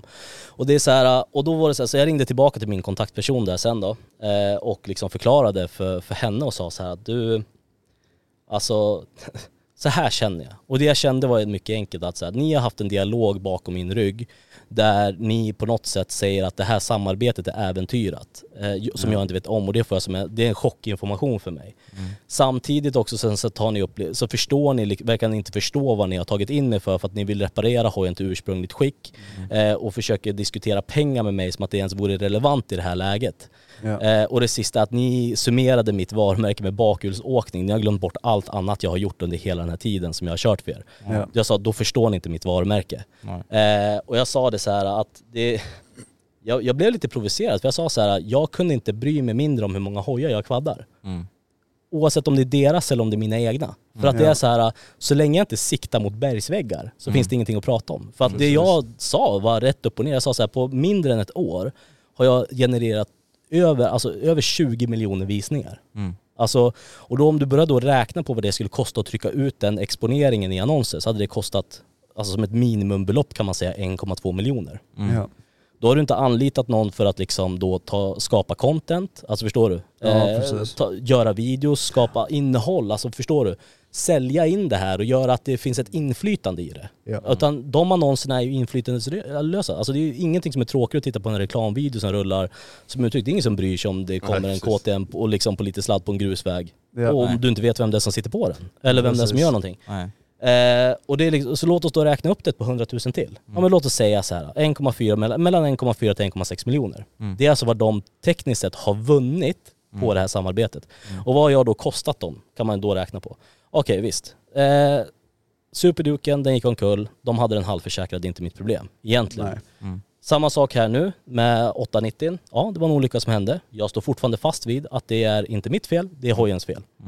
Eh, tänker inte gå in mer på det. Men kanske gör det i framtiden. Ja, det är Ja. Så här, för de har ju inte velat riktigt berätta för mig. De är jätteduktiga på att berätta vad det skulle kosta att reparera den, inte, vad, inte vad det var som Nej, var fel på den. Nej, precis. Men det finns ingen luft i däck och det finns inga synliga skador. Ja. Ja, mer än så behöver man inte säga. Nej, nej. Eh, och det var bara så här. Så jag sa det, jag, men, så, så summa summarum så säger jag så här, There's never been a faster or easier way to start your weight loss journey than with PlushCare. PlushCare accepts most insurance plans and gives you online access to board-certified physicians who can prescribe FDA-approved weight loss medications like Wigovi and Zepbound for those who qualify. Take charge of your health and speak with a board-certified physician about a weight loss plan that's right for you. Get started today at plushcare.com slash weight loss. That's plushcare.com slash weight loss. plushcare.com slash weight loss. Imagine the softest sheets you've ever felt. Now imagine them getting even softer over time. That's what you'll feel with Bowl and Branch's organic cotton sheets. In a recent customer survey, 96% replied that Bowl and Branch sheets get softer with every wash. Start getting your best night's sleep in these sheets that get softer and softer for years to come. Try their sheets with a 30-night guarantee. Plus, get 15% off your first order at bowlandbranch.com. Code BUTTERY. Exclusions apply. See site for details. enda sättet som gör att jag kommer liksom sätta mig på hojen, det är att jag fakturerar 400 000 ex moms. Eh, och då kan ni ta de där 30. Eh, och då känns det som att då börjar vi någonstans kanske börja möta varandra lite grann där i så här att ja, vad, vad, vad är värdet i det här? Mm. Eh, och så de har ju, vad hade det kostat dem? Jag vet inte exakt. Men de sa ju 30 000 på 890. Ja och så, så kanske de har lagt en ja, 90 i liksom del eller reparation, inte vet jag. Alltså Ja. det, är de, Mm. det är KTM Scandinavia, kom igen. Ja. Vad kostar det? Arbetstid och prylar. Alltså Mm. jag, inte vet jag hur de löser det. Men det är så här, men för mig är det fortfarande så här helt löjliga summor. Låt oss säga att jag har kostat dem totalt att snurra mig 200 000 på vårt, vårt samarbetstid då. Ja, precis. Kom igen, kom, kom inte och, och, och släng fram och säg så här 30 000 kronor så att du har lite koll på det. Nej, För då är det det ni som inte har koll längre. Ja. Ja. När jag inte har den liksom ekonomiska ersättningen som jag borde ha. Ja, eh, så att jag var så här, nej så jag, jag tackar för det. Jag sa, ja det är bara ni som vinner på det här just nu. Och jag hör att så här, det är bara ni som vinner på det. Eh, jag gagnas inte alls av det. Mm. Så jag ser inte varför vi ska göra det. Och då var det så här, ja men vill du fortfarande åka på Rally Adventure Week? För de skulle ju skicka dit liksom kamera Ja, folk liksom som skulle filma det här och när jag körde och sådär. Och då sa jag så här, men det är ju fortfarande bara en jäkla allmosa. Alltså det är så här, jag vinner ju ingenting på det. Det är ju fortfarande bara ni som vinner på det. Precis. Jättecoolt att åka på en sån grej. Jag vet att det är jättedyrt att liksom köra det här rallyt. Men det är så här, men samtidigt, jag vinner. Alltså det för mig är det fortfarande bara ett utlägg. Precis. Alltså som jag inte får tillbaka på det sättet. Som jag behöver få tillbaka på. Ja. När vi har kommit till det stadiet att vi är så här långt in i relationen. Mm. Eh, och då, nej men då var det bara så här, saker, det bara, det bara matchade inte. Så jag, bara, bara, jag blev så här spyfärdig. Och bara så här, fan det här är så respektlöst. Ja. Hur jag kan- antar att hur- du blir trött med, alltså du blir inte lika motiverad som Nej. du var i början. För i början var du nog väldigt motiverad Jag var tror liksom. jättemotiverad i början och det var så här, jag tyckte det var skitkul och det var, allting var roligt och det är så här, men på grund av att de inte har skött det, alltså tagit det här på ett snyggt sätt och jag känner att så här, de har inte riktigt vårdat kontakten där hela vägen. Så känner jag så här, nej varför gör jag det här? Ja. Det, det är ingenting, ingen idé för det. Nej. Eh, nej, så det, det, det, var, det var egentligen det som hände kan man säga. Ja. Och, det är så här, och sen så är de ju så här, man ska ju passa sig också för att när man skriver så här, alltså redan efter liksom olyckan med Superduken så eh, hade jag en dialog där med försäkringsbolaget och liksom, där jag liksom gick igenom så lite spalter liksom just det här med vad mitt avtal sa och med deras jurister. Ja. Och just det här med kan jag hållas kostnadsansvarig liksom och så vidare. Och det finns alltså lagar och regler som, alltså som reglerar det här med försäkringsärenden och olyckor och allt det här och hur du liksom kan kostnadsbelägga, alltså, men, alltså förstår du, i överenskommelser och de kan inte riktigt göra det på riktigt. Alltså det är så här alltså att i, i, en, i en renodlad rättstvist hade de förlorat. Ja. Eh, om man skulle ta det så långt. Nu, Ja, men det är så här, nu är jag väldigt dramatisk. Men, Ja. Ja. men, eh, men det, var, det var det som eh, egentligen hände. Eh, Och det känns som att det finns så mycket jag skulle kunna och vilja säga kring det. Men det, men det största problemet som jag kände det var att när de fick det att låta som en goodwill, alltså hela samtalet så fick de det att låta som en goodwill att, eh, att det är jag som åter, åker med KTM. Och det, där sa jag sen till min kontaktperson att där har ni så jävla fel. Alltså ni ska ha jäkligt klart för att det är KTM som åker med mig. Ja. Ja. Jag, Ja. ni behöver, ni behöver eh, profiler som mig, Exakt. jag behöver inte er Nej. i det här sammanhanget. Nej, om man ska Nej, hårdra det. Ja men definitivt. Så är det faktiskt. Eh, och eftersom att de, eller efter, jag ska inte säga de, utan jag vill ändå dra ner det här till en väldigt individ, alltså förstår du? Individnivå. Mm. Ja, ja, ja, för att det är, det, jag, jag klan, det är väldigt många som är helt fantastiska borta på KTM, som jag älskar och är jätteduktiga. Men så finns det vissa som bara trycker ur sig jävligt obegåvade saker. Mm. Och där jag blir Ja. såhär, du, vem, alltså Tyst. Ja tyst bara. Alltså lär dig räkna. Ja. Så, så, så kände jag. Alltså Ja. det är så här, det är någon som har klarat lågstadiematten kan lista ut att det du säger är, är dravel liksom. Lägg av. För det här har ju egentligen, jag antar att det här inte påverkar egentligen din syn på KTM-hojar, alltså överlag så liksom. Nej, Om du, förstår nej, nej alltså över- grej, grejen är så här, jag tycker att KTM jag bygger världens roligaste hojar. Alltså Mm. det är så här, det kommer jag aldrig kunna ta ifrån dem. Alltså KTM som hojar, sjukt sjukt roliga. Mm. Men sen är det så här, det är fan som alla tillverkare, det finns problem. Ja. Så är det. Alltså det, det. finns problem och det dyker upp problem i mer eller mindre utsträckning. Ja. Eh, men jag kommer aldrig kunna ta ifrån dem att de har för jävla roliga hojar. Och det är det jag säger så här. Mm. Ja. Jag, jag, jag, jag, kastar ingen skugga på KTM så. Nej. Jag kastar, jag, jag kastar skugga på dem i deras sätt att hantera och ta hand om sina ambassadörer. Alltså Ja. det, det är vad jag gör. Ja. Eh, och hur man liksom har gjort det. Men det är det här jag försöker säga också, att, alltså lite grann som jag pratade mer om igår. Mm. Att hur vi kreatörer måste någonstans skapa någon form av riktlinjer eller ramverk för oss själva, hur vi ska tänka när vi samarbetar med företag. Ja. Ja. För det här är en så pass ung nisch i Sverige att det finns liksom inga ramar för det här. Alla företag jag pratar med är så sjukt förvirrade. De vet inte vad de ska alltså säga, Nej. vad, de ska, vad de ska önska, vad de ska göra. Det är det värsta jag vet när företag hör av sig till mig och säger så här Ja tja du, vad, vad skulle du säga om att göra ett sponsrat inlägg? Så här, jag bara, jo okej, men vad vill du ha? Mm. Så här, och de kan Ja, inte men- svara på det. Och det är så här, jag förstår som de säger så här, nej men jag tänkte, vi, och så, så här, ingen budget eller någonting. Men jag säger, jag vill, och så här, om något företag lyssnar på det här, om ni ska lära er jobba med kreatörer i den här branschen, Mm. gör en budget. Ja men det blir också så här om du inte håller kvar vid ditt egna, då blir du på sätt en skådespelare åt Ja, dem istället för att Mm. Vara Ja. kreatör i dig själv. Alltså det blir ju helt fel, det är ju som att de hade gett dig ett manus och så Mm. säger du, eller säger de ja men gör det här. Mm. Mm. Och det Då vill man ju jag. inte göra heller för att du vill ju fortfarande vara dig själv. Ja, Ja. exakt, men det är det jag menar så här. gör åtminstone en budget. Precis. Låt inte mig sätta prislappen, utan säg Nej, så här, för grejen är så här, om, om ett företag kommer till mig så säger de, jag hade en sån förfrågan i Ghost Rider här, eh, här om eh, veckan. Eh, Ja. Det är en, en eh, hiphoppare, eller så här, rapartist Mm. i England som ville ha Ghost Rider material. Ja. Eh, och det här, det här filmbolaget då, eller vad man ska säga, eh, produktionsbolaget hörde av sig till, till, eh, till oss och eh, vill, hade en budget. Mm. Och de sa så det här är budgeten vad vi kan lägga på det. Det betyder inte att jag tänker sätta sprätt på hela den budgeten. Nej. Utan det är istället så här, okej jag, jag vet vad, okej nu vet jag vad ni kan tänka er spendera och då vet jag vad jag kan tänka mig göra. Ja. För det är så här, någonstans måste man börja räkna så här, hur lång tid tar det att göra det här? Hur Ja, mycket precis. tid måste jag lägga in i det? Och det är så vi måste börja se på det också när vi diskuterar med företagen. Mm. Eh, så att nej, det är, så här, det är någonting som behöver växa fram. Men det är fortfarande Verkligen. så här, företagen kommer inte sätta den ramen. Men nu gör jag det. Företag, när ni hör av er, Ja. ha en budget och så löser vi någonting. Och det Ja, behöver precis. inte kosta hela, alltså hela budgeten. Nej. Men det ger oss ett spelrum att veta så här, hur mycket tid kan vi lägga. För att det är som jag säger, så här, bara en sån här äh, unboxing-video som jag gjort mycket av, Mm. eh, som för Quadlock till exempel. Ja. Det är fortfarande en hel dags arbete. Det är filmat med mobilen, Ja. med, och liksom, men det är klippt och allting i mobilen. Jag har Ja. inte gjort något avancerat och dragit över det till datorn. Nej. Men det är fortfarande en hel dags arbete för Ja. att filma det här på ett snyggt sätt, göra Ja. det bra och att det ska vara intressant hela vägen och sen så ska du Ja. fr- freestyla din eh, liksom Mm. säljpitch i det här. Ja. På ett skönt sätt som inte är säljigt. Nej men precis. Alltså, och det-. Det, det är liksom fortfarande en hel dags arbete. Ja. Eh, och det är det man tror jag, alltså man måste förstå. Då är det så här, ja, vad hade en hel dags arbete kostat mig? Vad är, vårt, vad är mitt timpris? Mm. Ja, är det 400, 500? Är det 1000 spänn? Alltså det, allting är ju i relation till, alltså, Ja. till, inte följare. Och det ska vi komma ihåg. Det handlar inte om hur mycket följare du har idag. Det handlar om hur, hur engagemanget och hur Ja. väl du kan alltså, kommunicera och motivera dina följare. Ja. Precis. Men det, det, det är så här lite sidospår, det är Ja. kanske inte alla som vill lyssna på det men, men, det är många, men det är samtidigt är det så många där ute som Ja. håller på och vill alltså, sätta sig, alltså, komma in i det här. Det är också även väldigt nyttigt för, jag tänker för mig och Mox i alla fall, för vi är ju väldigt nya inom den världen så liksom. Och vi, alltså det är inte någonting egentligen vi har gått och reflekterat över mer än det du har nämnt till oss nu då. Så det är nyttigt för oss också att höra liksom så.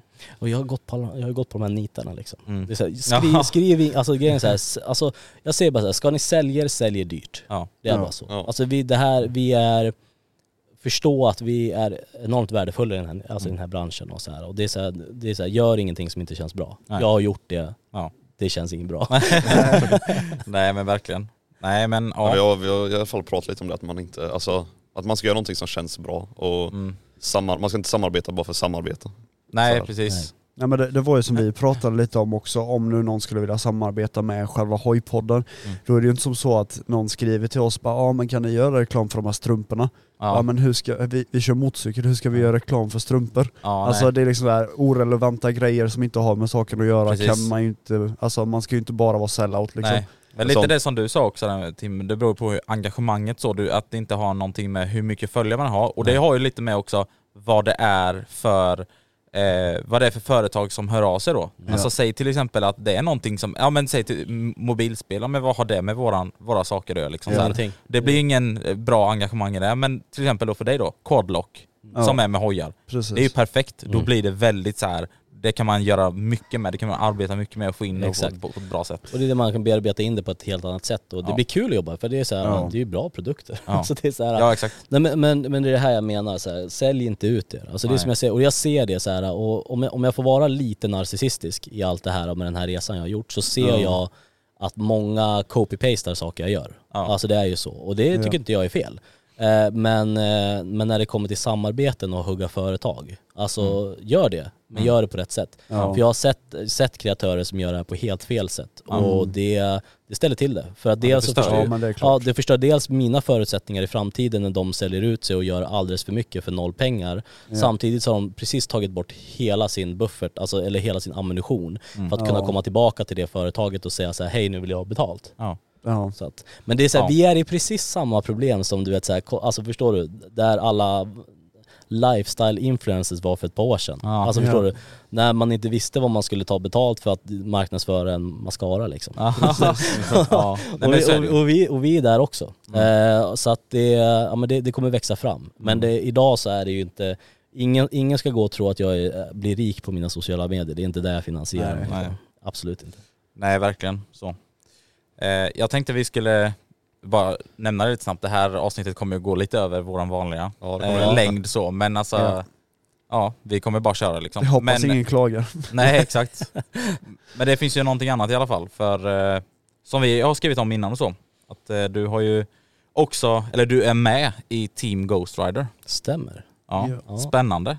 Och det har jag varit hela tiden höll jag på att säga. så här bakom kulisserna. Nej men det, det, ja, men det är bakom kulisserna. Är Mm. det. Eh, det är nog många som inte vet om det. nej, Jag nej. tror, alltså Ja. det, om man inte eh, har lite koll och så då.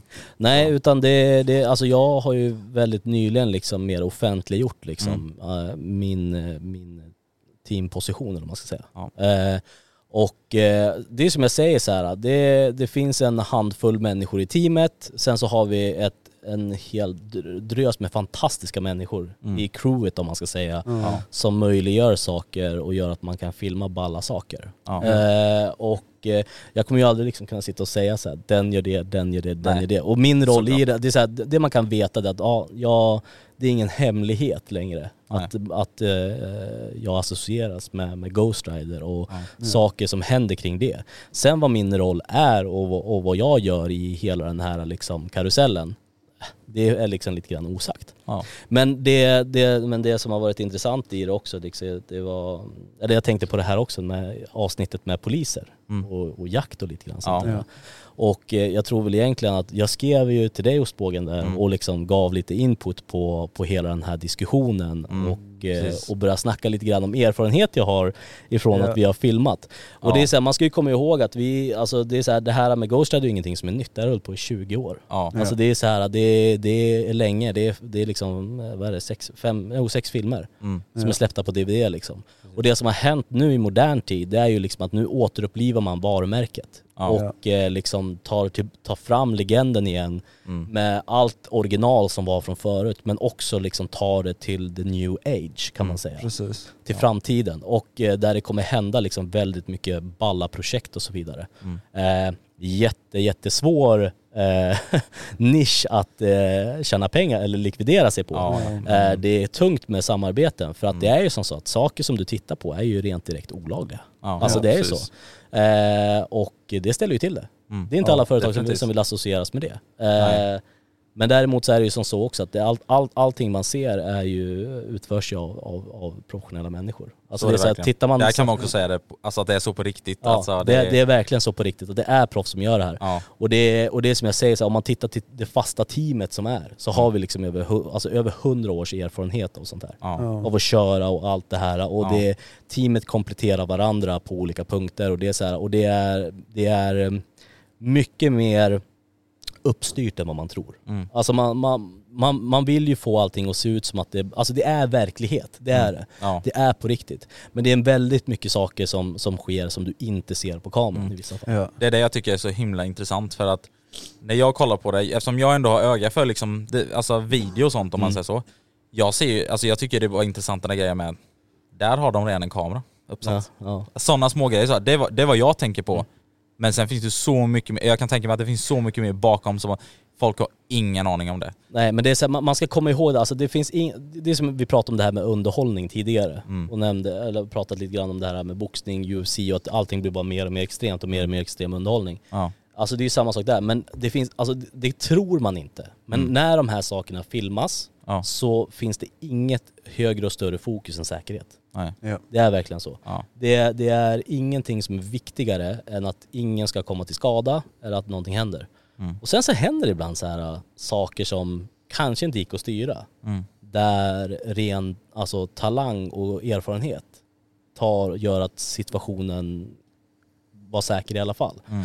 Så att det är så här, äh, det, det, det finns så mycket man skulle kunna säga om det här äh, Mm. och, och, och vad man filmar och inte. Men grejen är så här, det, det som jag tror folk inte ser nu, det är att nu har man, nu har man gjort lite galna grejer, eh, eller några har gjort lite galna grejer Mm. och, eh, och liksom fått igång det här igen och det har börjat växa och allting. Men sen så i framtiden så kommer det mer och mer liksom mynna ut i en form av mer, ja, men kanske lite mer seriös produktion eh, och lite mer så här, ja, men lite, jag ska inte säga så här Ken Block production, men det är Nej, så här, men, ja. men, men alltså ty, typ samma stuk men på riktigt istället. Och Mm. hålla det liksom rått och, rått och riktigt. Mm. Eh, och det är så här, det är som jag säger, det också just det här i det här avsnittet när man pratade om poliser och allt det här. Och Mm. jakter och allt, allt som det var. Eh, och det är verkligen så här, nu har ju polisen fått nya föreskrifter. Ja. Om att de får inte jaga, alltså oskyddade förare som sitter liksom på motorcykel eller liknande. Och att det ska, måste finnas liksom en direkt koppling till ett grövre brott. Ja. Och då ska man ju komma ihåg, vad är ett grövre brott? Ja men stu, Mm. en stulen motorcykel är inte tillräckligt grovt brott för att de ska få ge ett efterföljande. Eller Mm. ja, alltså, de kan ju följa efter, men de Ja, får inte jaga dig. Alltså Nej. det är det som är lite grann skillnaden också. Att det är så här. Så det finns typ nästan ingenting de får göra. Och då, som de, man säger i Ghost Rider-produktionen, där man blåljusfiskar en del. Alltså det är så här, man vill ju fånga upp en polis är villig och, och liksom eh, följa efter lite grann. Eh, där märker man ju en ganska stor skillnad när det kommer till motorcyklar. Jag kan säga så här att åtta av tio poliser tittar inte ens på en motorcykel som kommer Nej. för fort. Ja. Eh, och eh, det mynnar verkligen ner till det här helt och hållet hur benägen den här polismannen eller kvinnan är att uppta jakten. Trots att de vet att det finns alltså föreskrifter som säger att vi får, får inte. Mm. Eh, och i Ghost Rider så är det så här, det har ju funnits sina, sina knep för att kunna få ett, ett, ett jag på, på motorcykel. Ja. Eh, så är det ju. Men, eh, men det är liksom ingenting som förändrar hela utfallet och därför blir jag lite grann såhär, när folk säger såhär Åh, de jagar mig hela tiden och bla bla bla. Alltså jag är såhär, ass- okej, men jag tycker det låter som skitsnack. Ja. Alltså det är så här, det kanske är så, jag vet inte. Men Ja. där ska man väl också komma ihåg skillnad på vad är skillnaden på en jakt och ett efterföljande. Ja. Ja, Om precis. polisen kör upp bakom dig så slår han på dig och vill att du ska stanna och du stannar inte och han ligger efter dig med blåljus i, i tusen meter. Mm. Det är inte en jakt, de har inte Nej. jagat dig. Nej. De har velat stannat dig och du var dum nog att inte göra det. Ja. Alltså det är det det handlar om. Och då bara tänker de, nej vi- det är inte värt att Det är inte liksom- värt det. Det är, det är inte värt för oss att kolla dig för att du ska sätta dig själv i, i alltså, Ja. till risken eller någon annan. Sen tror jag det finns väldigt mycket, i alla fall inom uh, moppe-kids-världen, de tycker ju att jakt är säkert när en polisbil bara vänder någonstans utan ens på blåljus. Ja, och ja, där nej. kommer man ju till en väldigt barnslig Ja. nivå nästan om Ja, man säger det så. Ja. Ja, ja. Nej, men det, Men eh, för då är det ju en helt annan grej så. Men, eh, nej, men det är så här, jakt det är när de har gjort ett aktivt efterföljande. De försöker lista ut vägar att de ska fucking få stopp på dig. ja. Då är det en jakt. Ja. Och det är som jag säger, och där har du, den hitraten du har där på att få en sån grej, det är en på tio om knappt det. Ja, det är så. Ja. Ja, ja, herregud. Däremot på bil, Ja. oj. ja men det är lite det så här. Ja, men, Alltså, För eh, ser man Criticals videos till exempel, ja, där är det ju väldigt mycket alltså, Ja, ja det, men så är det ju. Men sen, men sen är det så här också, jag kan säga så här att om du kommer i en bil med kameror på eh, och upp, alltså uppenbart falskreggad, alltså då skickar de ta med falsken hela jäkla Ja. nattskiftet på dig. ja, alltså för då tror de att det var ett bankrån och säger Ja, men, ja, men, det är så här, men de får ju jaga. Och jag ska Ja. säga så här, alltså det du ska komma ihåg att polisen är ju helt normala människor i grund och botten. ja. Alltså de är lika spänning, alltså min pappa sa alltid så här. skillnaden mellan en kriminell person och Mm. en polis är ytterst liten. Ja. I grund och botten handlar det liksom, ah, båda två motiveras av spänning någonstans. Ja. Alltså det är så. Den polisen som säger att den inte är spänningssökande, han kanske, jag vet inte, borde rannsaka sig själv. Men det är så här, Han jobbar på kontor där. ja, exakt, använder pappersblad.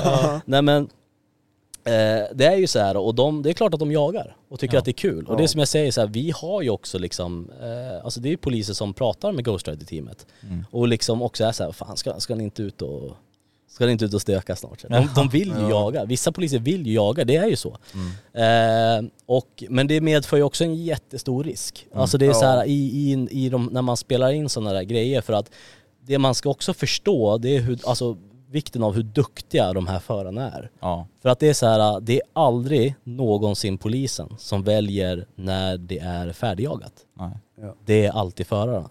Och det är så här som en situation så att man kan, alltså så här.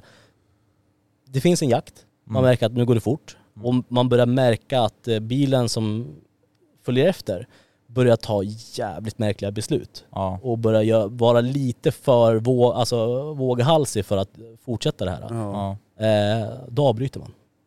Då hänger man av dem på en gång. Och det är inte svårt. Inte för dem och inte för de fordonen som man, alltså förstår Ja. som används i det här sammanhanget så är det inte svårt.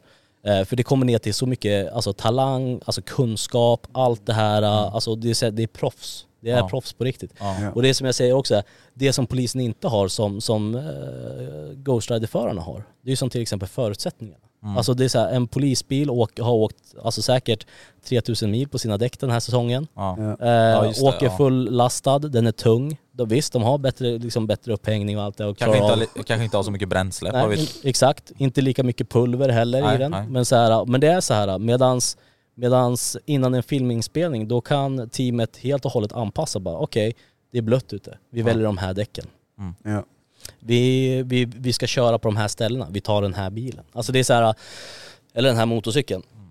Så det är på den nivån. Så Ja. det, det blir ju ganska chanslöst. Och det är som jag säger, sen så är det väldigt mycket runt om liksom som man håller koll på för att det här ska funka. Ja. Och sen ska man inte gå in på för mycket detaljer. Men det, är det, men det jag försöker också få folk att, som jag vill att folk ska ta med sig, och det är också som vi faller tillbaka på det här att, alltså där det blir problematiskt med alla de här polisjakten och allt det här, det är ju det att så här, 99% av, om vi tittar till MC-förare, så är det typ, jag kollar statistiken för typ så här, vad är det, ett eller två år sedan, 260 000 aktiva körkortsinnehavare av behörighet A. Eh, och eh, då tror jag inte att det är borträknat de här 40 och 50-talisterna som har liksom fått MC-körkortet och inte sitter på Ja, en hoj nej. någonsin. Nej. Eh, Så man kan ju säkert räkna bort en stor andel där också. Men 99% av de här människorna, de, det är som jag säger, de har ju klarat av de absolut mest grundläggande kraven för att framföra ett, ett, eh, tvåhjuligt fordon. Ja. Du kan inte köra. Nej. Du kan ingenting om ditt fordon, du klarar inte av någonting. Och det är det här som är problemet. Och det är, jag säger så här, nio av tio av mina polare är de här människorna. Ja. Som har tagit MC-körkortet, sätter sig på en literhoj, tycker att det är skitkul att köra i 300. Jag är nog en av dem. Så. Ja. Alltså, ja, men jag, jag kan idag ha den Ja, självinsikten men- nej, men alltså, så Nej, men, är det. och, och det är så här, och det, det är där det blir problematiskt. Jag Ja. säger så här att av förare på två hjul som faktiskt kan köra, det är mindre än 1% av de här äh, Mm. Ja. som har körkort. Definitivt. För att det, är- det är mindre än 1% som faktiskt bygger på sin kunskapsbas så Mm. att de verkligen förstår sitt fordon. Och som jag pratade om, förstår du ditt fordon och alla de MC-tekniska delarna Mm. eh, så förstår du begränsningarna och då kan du ta kalkylerade risker. Ja. Då vet du var, när och hur Mm. saker inte passar in till ditt körbeteende. Ja. Eh, och det är där det blir problematiskt också, och även när det blir jakter. Mm. Eh, för att då kommer du, alla får hamnar väl i det där modet att det liksom, de får adrenalinpåslag, det går lite för fort, du tänker inte riktigt klart, alla de här sakerna händer. Eh, och det är där det liksom blir farligt. Och problemet som jag hör också, som jag även har pratat med vissa polismän om också, att det är så här, folk har börjat utnyttja det här. Att så här, de får inte jaga, så folk jävlas med polisen. Det är inte snyggt. Nej. Alltså det är inte Nej. bra. Det Nej. gagnar inte MC, alltså förstår du, MC-communityt på något sätt i Sverige.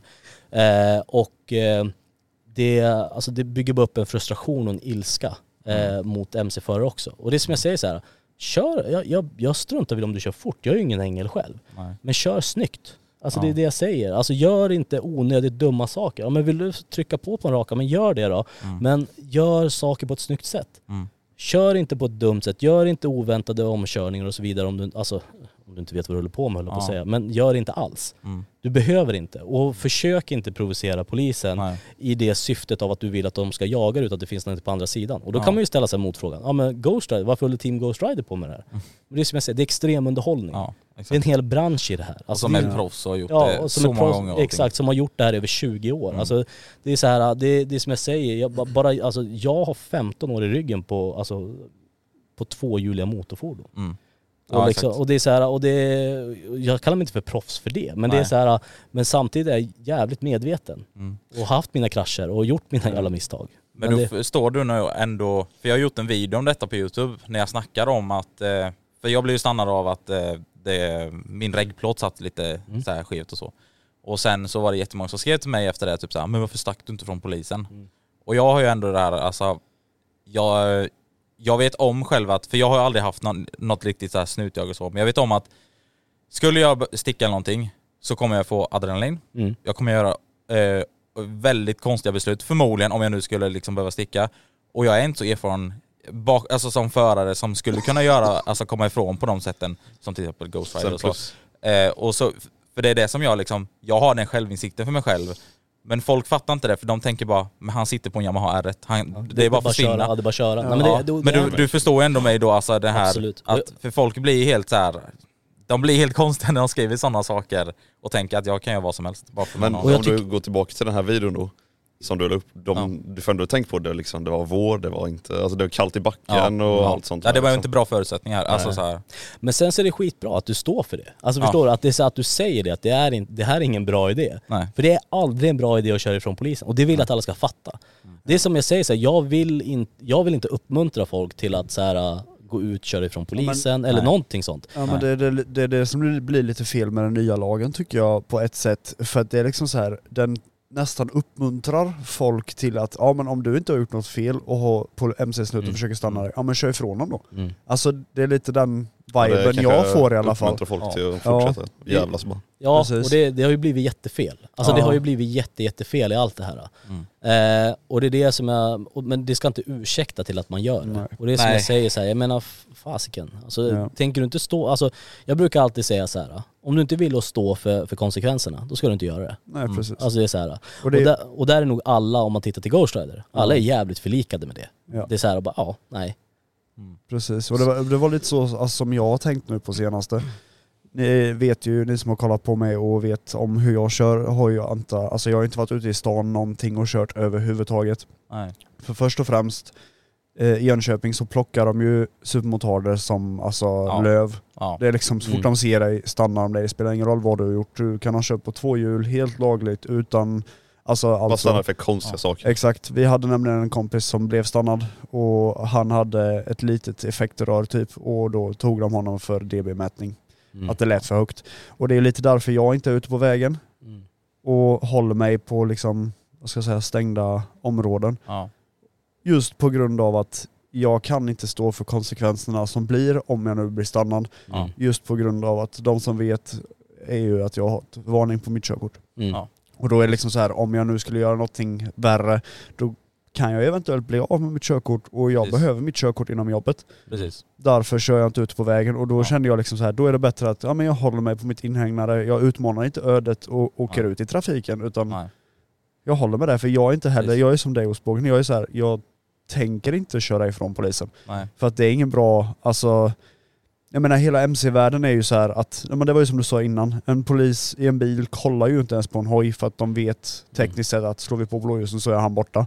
Mm. Och det är ju helt fel egentligen. Mm. För egentligen ska det ju vara att, ja men slår vi på blåljusen, ja men då kör han inte kanten och så kan vi ha en diskussion med honom. Och det är ju Ja. mycket bättre så egentligen. Och det är den respekten vi ska ha. Alltså Ja. det är det som jag säger så här. Det är, och sen som Ghost och allting som händer där, det går ju inte att rättfärdiga att göra. Men det, man Nej. måste Nej. förstå skillnaden. Ja, alltså det är det som är verkligen. grejen. Man, Det måste, man måste förstå skillnaden på vad som i det här sammanhanget är extremunderhållning Ja. och utfört av professionella människor. Mm. Eh, och kontra liksom någon som har tagit körkortet och får för sig att köra ifrån bara. Alltså Ja. det, och det som jag säger, sen är det ju också som den här sidan, så- alltså så fort polisen ser motard så stannar de den. Ja. men det är ju inte riktigt Nej det är inte rätt heller. det är inte rätt det heller. Nej. Det skapar inte en god relation. Nej. Eh, till att liksom så här, äh, Det känns nästan som ser ner på det, eller, eller inte ser ner men att de Ja, men- särbehandlar dem på Ja något de, sätt. de, att det är försöker här- liksom få bort oss från vägen, det är ju Ja. det de försöker med. Men det som en rolig incident vi hade då, liksom, vi hade ändå ganska liksom, ja men eh, lagliga rek och hojar liksom och du vet, blinkers, bromsljus och regskyddsbelysning. Så var det en då som åkte på att han inte hade reflex. mm. Och det är så här, Ja. ja, men det åka är också, på ombesiktning för reflex var Ja. bra. Ja, och sen Alltså- också ser man en glidahoj till exempel. Som har ännu mer, alltså, ännu mer brister så här på fordonet. Tittar inte, polisen Nej. tittar inte ens på dem.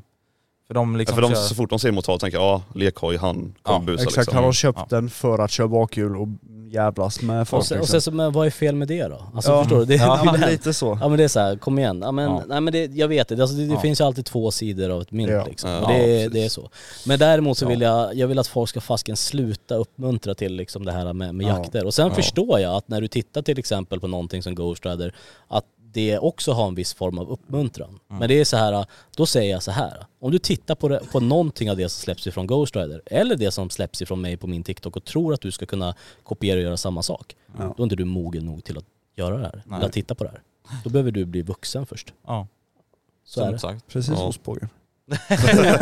Ja. Nej, men- nej, men, Nej, men det blir ju så det, är så här, det, det är så. Då, alltså, om du inte förstår att det här inte är någonting som alltså, över väldigt lång tid är genomförbart för dig eller Mm. liksom någonting som ens du ska lägga din vikt med. Då har du inte mognaden inne till Nej, att... Alltså, men men på. när jag kommer tillbaka till Jönköping sen så tar jag din R1 på en sväng där Ja, just tänker det. jag. Mm. Ja men det är klart. Så se- ses vi i Malmö sen då. Nej men det roliga var, vi skojade lite om det innan också så här, och vi sa det att skulle jag på något sätt, alltså, jag och Ghost Rider ligger precis i samma liksom, hur ska man säga, Ja just det. körriktning och så ska vi bara liksom bränna iväg.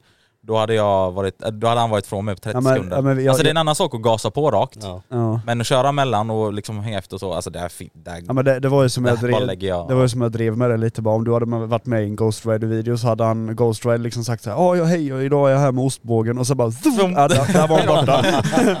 det var liksom det vi såg av ostbågen. Ja. Nej men- precis, men, men- det har jag, vet jag själv att så här, jag hade aldrig kunnat köra som det. Alltså, det Men, men det är ju det som är problemet också, det är egentligen nästa del i det här också när det kommer till att köra och inte kunna köra på riktigt. Mm. Alltså så här, sluta hetsas av dina polare. Mm. Alltså Ja. det är så här, Ja. lägg bara av. Alltså det, är för, det, det är också nästa problem som blir att din polare han köper en literhoj, du tar mc-körkort och så ska du sätta dig på en literhoj också. Ja. Ja. Och så bara, ja, är ni ute och fucking bombar. Mm. Eh, och vad händer? Ja, du kör av. Mm. Exakt. För att du har kört, du har kört motorcykel i Mm. sex månader. Det händer Ja. hela tiden. Och det är så här. Det som jag säger, det, är så här, det finns ingen människa som behöver sitta på en literhoj egentligen. Nej, nej Alltså, det, har jag nej, märkt nu. Alltså det, det är så här, det, och det är så här, det är som jag säger så här. Jag, jag tänker alltid så här, jag tycker det är världens märkligaste fråga när de säger så här, ah, varför köpte du en Z2 eller varför köpte du en Yamaha R1 och så vidare. Ja inte fasken är det för att du är en sund människa i huvudet egentligen. Alltså, det är så här, Nej. nej men det är ju så, jag tror inte att det är någon, alltså klart det finns de där som köper som tycker att det är en fantastisk hoj och har det typen av liksom, förstår du, Mm. sinnet och mognaden till Ja. att inte göra Ja. gas och busa på den. Mm. Men det är, vad, vad, hur många är det på tio personer? Ja. En Nej, halv. precis. En halv människa kanske. Jag vet inte. Men som vissa av er kanske vet också så kommer inte min Yamaha R1 vara kvar så länge mer i mitt liv om man säger så. För att eh, jag har ju ändå fått lite självinsikt med att, ja, ja den, även om, det är det som är saken för jag kommer också lägga upp en video om detta och så, men alltså eh, jag har inte den, eh, hur ska man säga, eh, mentala styrkan för att liksom kunna köra lagligt med den. Det går inte. Och visst, alltså jag kör inte som Ghost Rider, men det spelar ingen roll. Även jag är inte en sån lika duktig förare som honom heller, så att det kan hända saker. Det kan hända, eh, alltså det räcker med att jag kör liksom i 150 och det springer ut ett rådjur eller någonting. Men att ligga 150 på en sporthoj, det känns som 50 på en, Ja. en nakenhoj. Alltså det, det, går inte fort. Nej men alltså det, man tappar uppfattningen om eh, hastighet på en sån hoj liksom. Och eh, jag, jag har ju ändå kommit insikt i det att liksom jag, jag kan inte behålla den. Det blir alldeles mycket osunt eh, för mig i alla fall. Så, så att, Sjukt eh, imponerad av den självinsikten. Ja. Faktiskt, faktiskt. Det ska du ha en stor jävla eloge för. Ja. Det är helt rätt. Ja. Helt rätt. Men det har alltså som, en, alltså fortfarande då, världens roligaste hoj såklart och allting så. Men jag kan inte äga en sån. Punkt. Det är liksom så. Nej men det är så här också, man ska ju äga hoj för, för rätt ändamål och saker också. Ja. Jag menar köper du en R1 då ska du nog ändå ha något litet intresse av att faktiskt köra lite bana också. Och Ja, lära in dig på, precis. på hojen på rätt Nej, sätt och sådär. Precis. Men det, är, men det är ju så med alla hojar liksom. Eh, du kan köpa en MT-09 SP liksom. Mm. Eh, men det är fortfarande bara en gathoj liksom. Ja. Ja. I grund och botten. Och det är kanske ändå lite mild, och de går ändå bra. Mm. Alltså du, fasken, du behöver inte ha någonting som går i 300. Nej. Nej. Alltså jag menar, kolla på de här liksom 8, och- och- eller 890 GP och eh, alltså MT-09 och allt det här. Det är ju skitroliga hojar. Mm. Ja men precis. Populära, populära Ja. sköna. Och jag kan säga så här att om vi säger så här, låt oss säga att vi kanske skulle få hårdare restriktioner och så vidare liksom i Sverige på att vad du får köra för effekt på hojen och så vidare. Mm. Alltså jag hade varit så jäkla nöjd med en MT-07. Ja. Alltså, ja, men, värsta, alltså, värsta lekhojen. Alltså Ja. det är så här, det går att busa, det går att åka Mm. långt på den. Den, den Ja, är bra precis. liksom. Vi kommer komma in på det sen i eftersnacket men ja, ja men det är väldigt eh, bra sagt i alla fall också. Så. Så. För jag märkte även det när jag hade min MT-09, det är bara det är så här. Det är nog med kraft egentligen. Man behöver inte mer kraft egentligen. än det. Nej, och jag är skitnöjd med min liksom. Så. Ja. Och sen är det så också, alltså du blir avtrubbad från allt. Mm. Det ska man komma ihåg. Ja. Och ju mer avtrubbad du blir, ju farligare blir det. Ja. Men gre- grejen är också så här, för mig är det, jag har ju bara A2-kortet än så länge. Jag kunde ju tagit A nu i år, men jag har avvaktat lite. Eh, och jag känner i nuläget så här, okej det hade varit jättekul att testa. Jag har ju testkört uh, din MT-09 Bogis när Ja. du hade den. Ja. Och jag, är- alltså jag är ju så här för hastighet och bara, ja men det hade varit kul att ha en sån hoj. Men det var ju också som jag sa till dig, Hade jag ägt en R1 Mm. så hade jag suttit klistrad i ett träd någonstans. För att Ja. jag har ju inget konsekvenstänk överhuvudtaget. Nej. Och på ett sätt så, alltså min 500 räcker för mig. Ja. Jag det, det känner är liksom väldigt här- bra också att du jag, känner det nu ja, men jag, alltså så. ja precis, men jag är ju väldigt så här, ja, men jag gillar att stunta, jag gillar liksom att Mm. ja, men leka mer med hojen än att leka med hastigheten. Alltså jag, jag sitter inte, alltså i nuläget som sagt med 500 och Ja. ligga i 180 är ju inte bekvämt för fem öre. Så Nej, att där inte. blir jag ju lite såhär bara, nej, men jag, hastighet är ingenting jag vill ha. Visst, Mm. hade jag nu köpt en typ MT-09 då hade jag ju antagligen legat fortare. Ja. Men på ett sätt vill jag inte det. Jag tror många också som lyssnar på det här fattar heller inte, de tänker bara det de ser på sociala medier. Ja. Så här, när de ser på dina videos. Ja men vadå, ligga liksom i 280 så här och bara pressa fullt och så. De tänker så här, "Ja, det kan väl vem som helst göra. Ja. Och, och då det- de här tyskarna nu säger så här, ja men köra 180 tänker jag, pff. Men alltså, Ja, men Var de flesta själv så. gör det på en motard Ja, men, men sen, sen så är det här, det här ska man komma ihåg också, alltså uppfattningen av fart. Alltså Ja. det är så här, det är väldigt olika. Jag filmar alla mina videos i 60 fps. Mm. Skulle jag filma det här i 30 fps Mm. eller i 24 fps, då skulle Mm. det se ut som att det går i ljusets hastighet. ja. Ja. Men det som också då skulle framhävas mer, det är hur du som normal person som inte är van vid att köra i de här hastigheterna skulle uppleva det. Mm. Ja. Du skulle få tunnelseende, Ja. du skulle liksom uppleva farten mycket, mycket mer. Ja. Vinden, allt annat skulle bli mycket mer påtagligt allting. Mm. Och det skulle se brutalt mycket farligare ut. Ja. Och därför brukar jag säga, jämföra så här, så här att folk så här, som... Jag, jag tänker så här, hur hjärnan bearbetar information. Mm. Och det är som jag säger så här, skulle du titta på alla så här proffs som är riktigt duktiga, de upplever säkert så här 60 bilder i sekund. Ja. Så det ser Ja. sådär lent ut och mycket detaljer ja. och inget mo- Nej, motion blur, ja, ingenting av det där förstår du. Men utifall du sitter och kör så som en vanlig person som inte har en hjärna som liksom är tränad för det här. Mm. Alltså då skulle du ju verkligen bara, saker bara shit, jag, det, jag ser bara en sak och det är det jag tittar på. ja, exakt. Du har inte allt det där, du ser inte hela vägen och allt det där. Jag ser hela vägen. Ja. Jag ser allt som händer. Ja. Men, men jag vet också att för många år sedan så var inte jag där heller. Nej. Och jag tror att till viss mån kan du bygga upp det. Jag tror aldrig att jag kommer kunna bli typ Valentino Rossi och ta en jävla världsrekord på bana. Det tror jag inte. Eh, och för jag tror att ska du lyckas med det, alltså då måste du ha någon form av så medfödd jävla talang. Ja, ja, be, be, Ja, alltså din simultanförmåga måste vara så jäkla hög för att du ska kunna göra det. Och jag tror inte att det går inte att träna upp utan där måste du ha någonting som är medfött när det kommer till att bearbeta information. Jag tror också 100 det. procent. Ja, 100 procent ja. Sitter jag där med 10 FPS när jag kör fram vår... det är väldigt kul när du sa med så här proffs här, de sitter typ, alltså om man konverterar det till FPS då, Ja. sitter jag där bara... Du, du, du. Ja men det är ganska enkelt att jämföra, för det är så här, sätt Mm. upp två kameror, filma den ena i 60 och den andra i 24 till Ja, exempel. ja. Alltså du kommer, det, det är ju en helt annan värld. Mm, ja, det, men är, det är också så de får hastighet att se, alltså du Ja. kan få 70 att se ut som, som 200 Mm. i Ja, men så är 24 det. FPS. Det Ja. är ju så.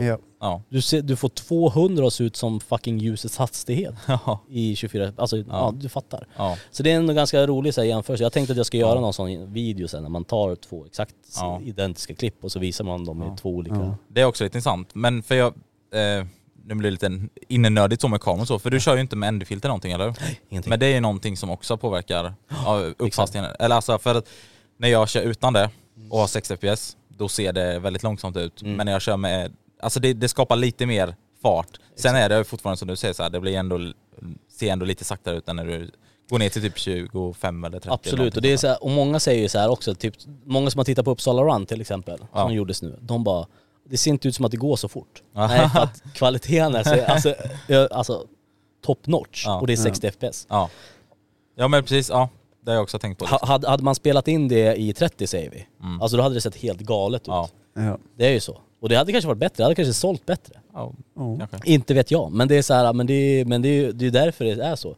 Det är, inte det, att det, det är inte det att det går långsamt, det är bara det att det är, det är så mycket information i bilden. Ja, ja precis. Som, som tas med, som Ja. vanligtvis hade suddats ut lite grann Ja. och då hade det, man upplevt farten på den. Men- Jag vet inte, har du sett det klippet han som kör en eh, Yamaha R1 på spa på youtube? På span? Ja, på spa, den banan. Nej. Nej nej nej, nej, nej. Nej. Alltså, ja.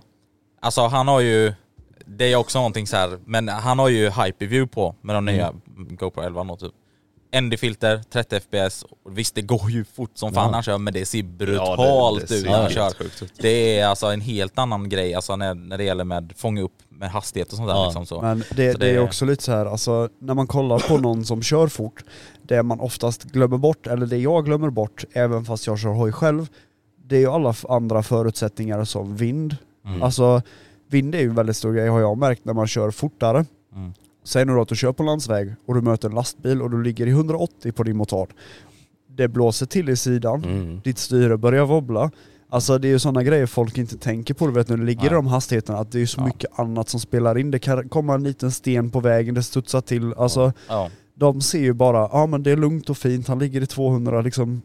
Och sen så ser du ju inte kroppspareringar heller. När, när, du, när du sitter så här, det är som, som jag tänker så här, många av mina videos, vem det nu är som kör. Alltså, Nej men det är samma sak där, jag menar man ser ju bara ett styre, man ser ett bakhjul, man ser 200-220 man Ja. ser, och man ser att det är den här lutningen, så man ser att det går liksom i en sväng, Ja, skarpt. precis. Ja. Det man inte ser det är att personen som sitter på, alltså är ute med sitt ben, med sitt knä så långt Ja. det bara går. Och Sitter knappast på hojen ja, sitter längre, inte på ja. hojen längre utan Ja. det är så här, personen sitter liksom utanför hojen hängandes bredvid som ett Ja. jäkla vindsegel Ja. i, med den här vinden. Ja. Så att det är ju så här, och det är det folk inte ser och Nej. förstår. Ja. Så de ser bara det där och sen... Ja, men det är oftast därför de tycker så här, ja men det där kan jag också göra. Ja, ja, ja. För att man ser inte hela, och det är så här, du känner inte kraften och allt det här och, och så vidare. Nej. Där blev jag jättechockad när jag körde på Nürburgring förra året. För där, där blev du verkligen varse om att liksom så här, saker spelar roll. För när du tittar på videoserna när, när man kör banan, Mm. alltså du ser, ja det går ner för det går upp för och det svänger och allt det. När du sitter på en hoj där, när det går ner för det går fucking ner för. Ja det är... Alltså det är så brant, det går inte alltså du, du kan inte visa det på film hur brant det är när du Nej. kommer där.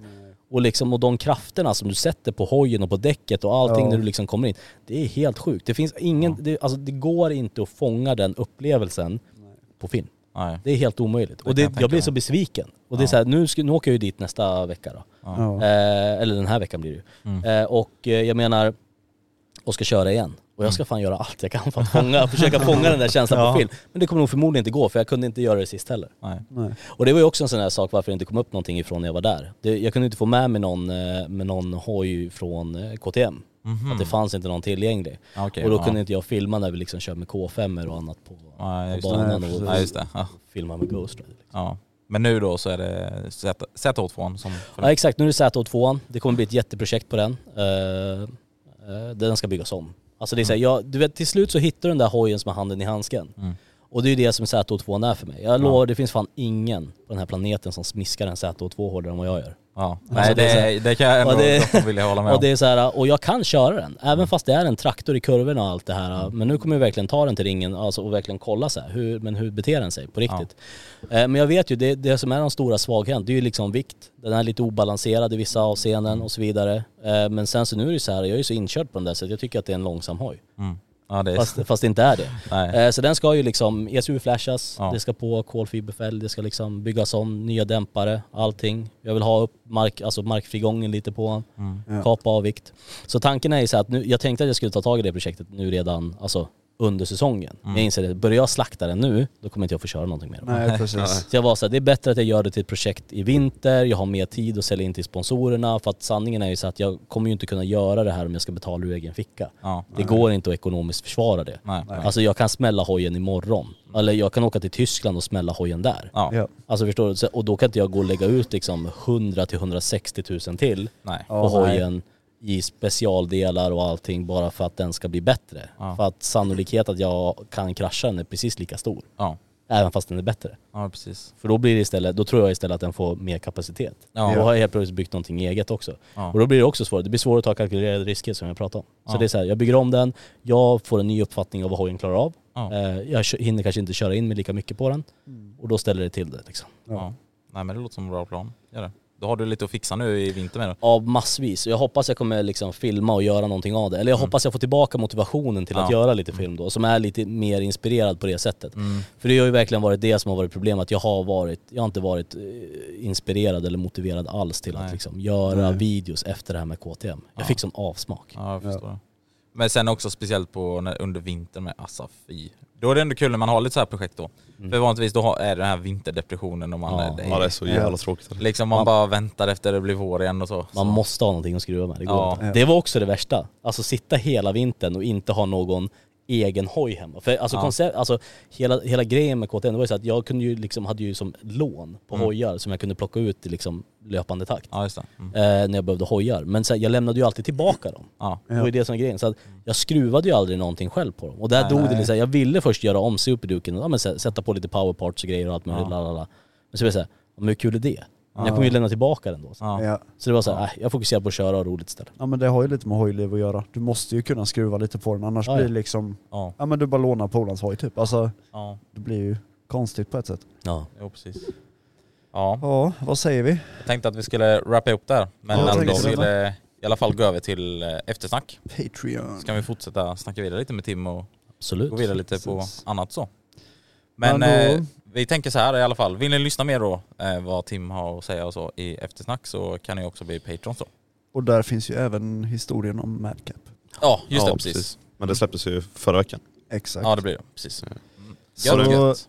Men eh, vi vill tacka dig i alla fall Tim, jättemycket Ja, för att du vill stort, vara med. Stort tack. Tack så jättemycket själva. Jag är Ja. sjukt hedrad för att få vara här som första eminenta gäst. Nu, men nu måste känns det nu Ja efteråt? jag tänkte precis Ja men nu, måste känner, men nu känns det naturligt att Ja. sitta här och Ja. babbla. Ja men grejen är, jag har ju en talang till att prata. Ja Alltså, det har så du verkligen. Så att det är så här att, att, att, Extremt att, att, skönt faktiskt. ja, så här, hit- hitta ett offer och tjata ihjäl, det har jag inget problem med. Ja, men så här lite som jag pratar har jag nog aldrig pratat innan. Nej Ja, exakt. Men det är väldigt intressant allting du Ja, säger ja. med så man vill bara liksom så här. Men det är ju skönt, man vill ju få ut så mycket som möjligt när man väl tar in en gäst Ja, och speciellt när du inte bor i närheten av Jönköping, då är det så här, när man väl är här, då är det bara att mata på. Ja, det. Så, ja, men det var ju schysst att vi kunde lösa det på det här sättet Ja. liksom. och sen, Ja. Stort tack också till Däckhoppen i Ja. Haninge som lät oss låna lokaler till att spela in. Verkligen. Stort tack. Stort tack. Ändå en liten shoutout till dem. Verkligen. Bäst på MC-däck i, i Stockholm. Så Kom hit om ni behöver ja. däck. Vi löser. Ja. Nej men gött. Gött gött. Underbart. Men, Men, eh, eh, hoppas vi har botat era måndagsångest. Exakt.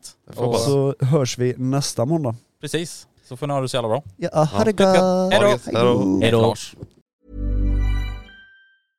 Imagine the softest sheets you've ever felt. Now imagine them getting even softer over time. That's what you'll feel with Bowl and Branch's organic cotton sheets. In a recent customer survey, 96% replied that Bowl and Branch sheets get softer with every wash. Start getting your best night's sleep in these sheets that get softer and softer for years to come. Try their sheets with a 30-night guarantee. Plus, get 15% off your first order at bowlandbranch.com. Code BUTTERY. Exclusions apply. See site for details. Hi, I'm Daniel, founder of Pretty Litter. Cats and cat owners deserve better than any old fashioned litter. That's why I teamed up with scientists and veterinarians to create Pretty Litter. Its innovative crystal formula has superior odor control and weighs up to 80% less than clay litter. Pretty Litter even monitors health by changing colors to help detect early signs of potential illness. It's the world's smartest kitty litter. Go to prettylitter.com and use code ACAST for 20% off your first order and a free cat toy. Terms and conditions apply. See site for details. Even when we're on a budget, we still deserve nice things. Quince is a place to scoop up stunning high-end goods for 50 to 80% less than similar brands. They have buttery soft cashmere sweaters starting at $50, luxurious Italian leather bags, and so much more. Plus, Quince only works with factories that use safe, ethical, and responsible manufacturing. Get the high-end goods you'll love without the high price tag with Quince. Go to quince.com slash style for free shipping and 365-day returns.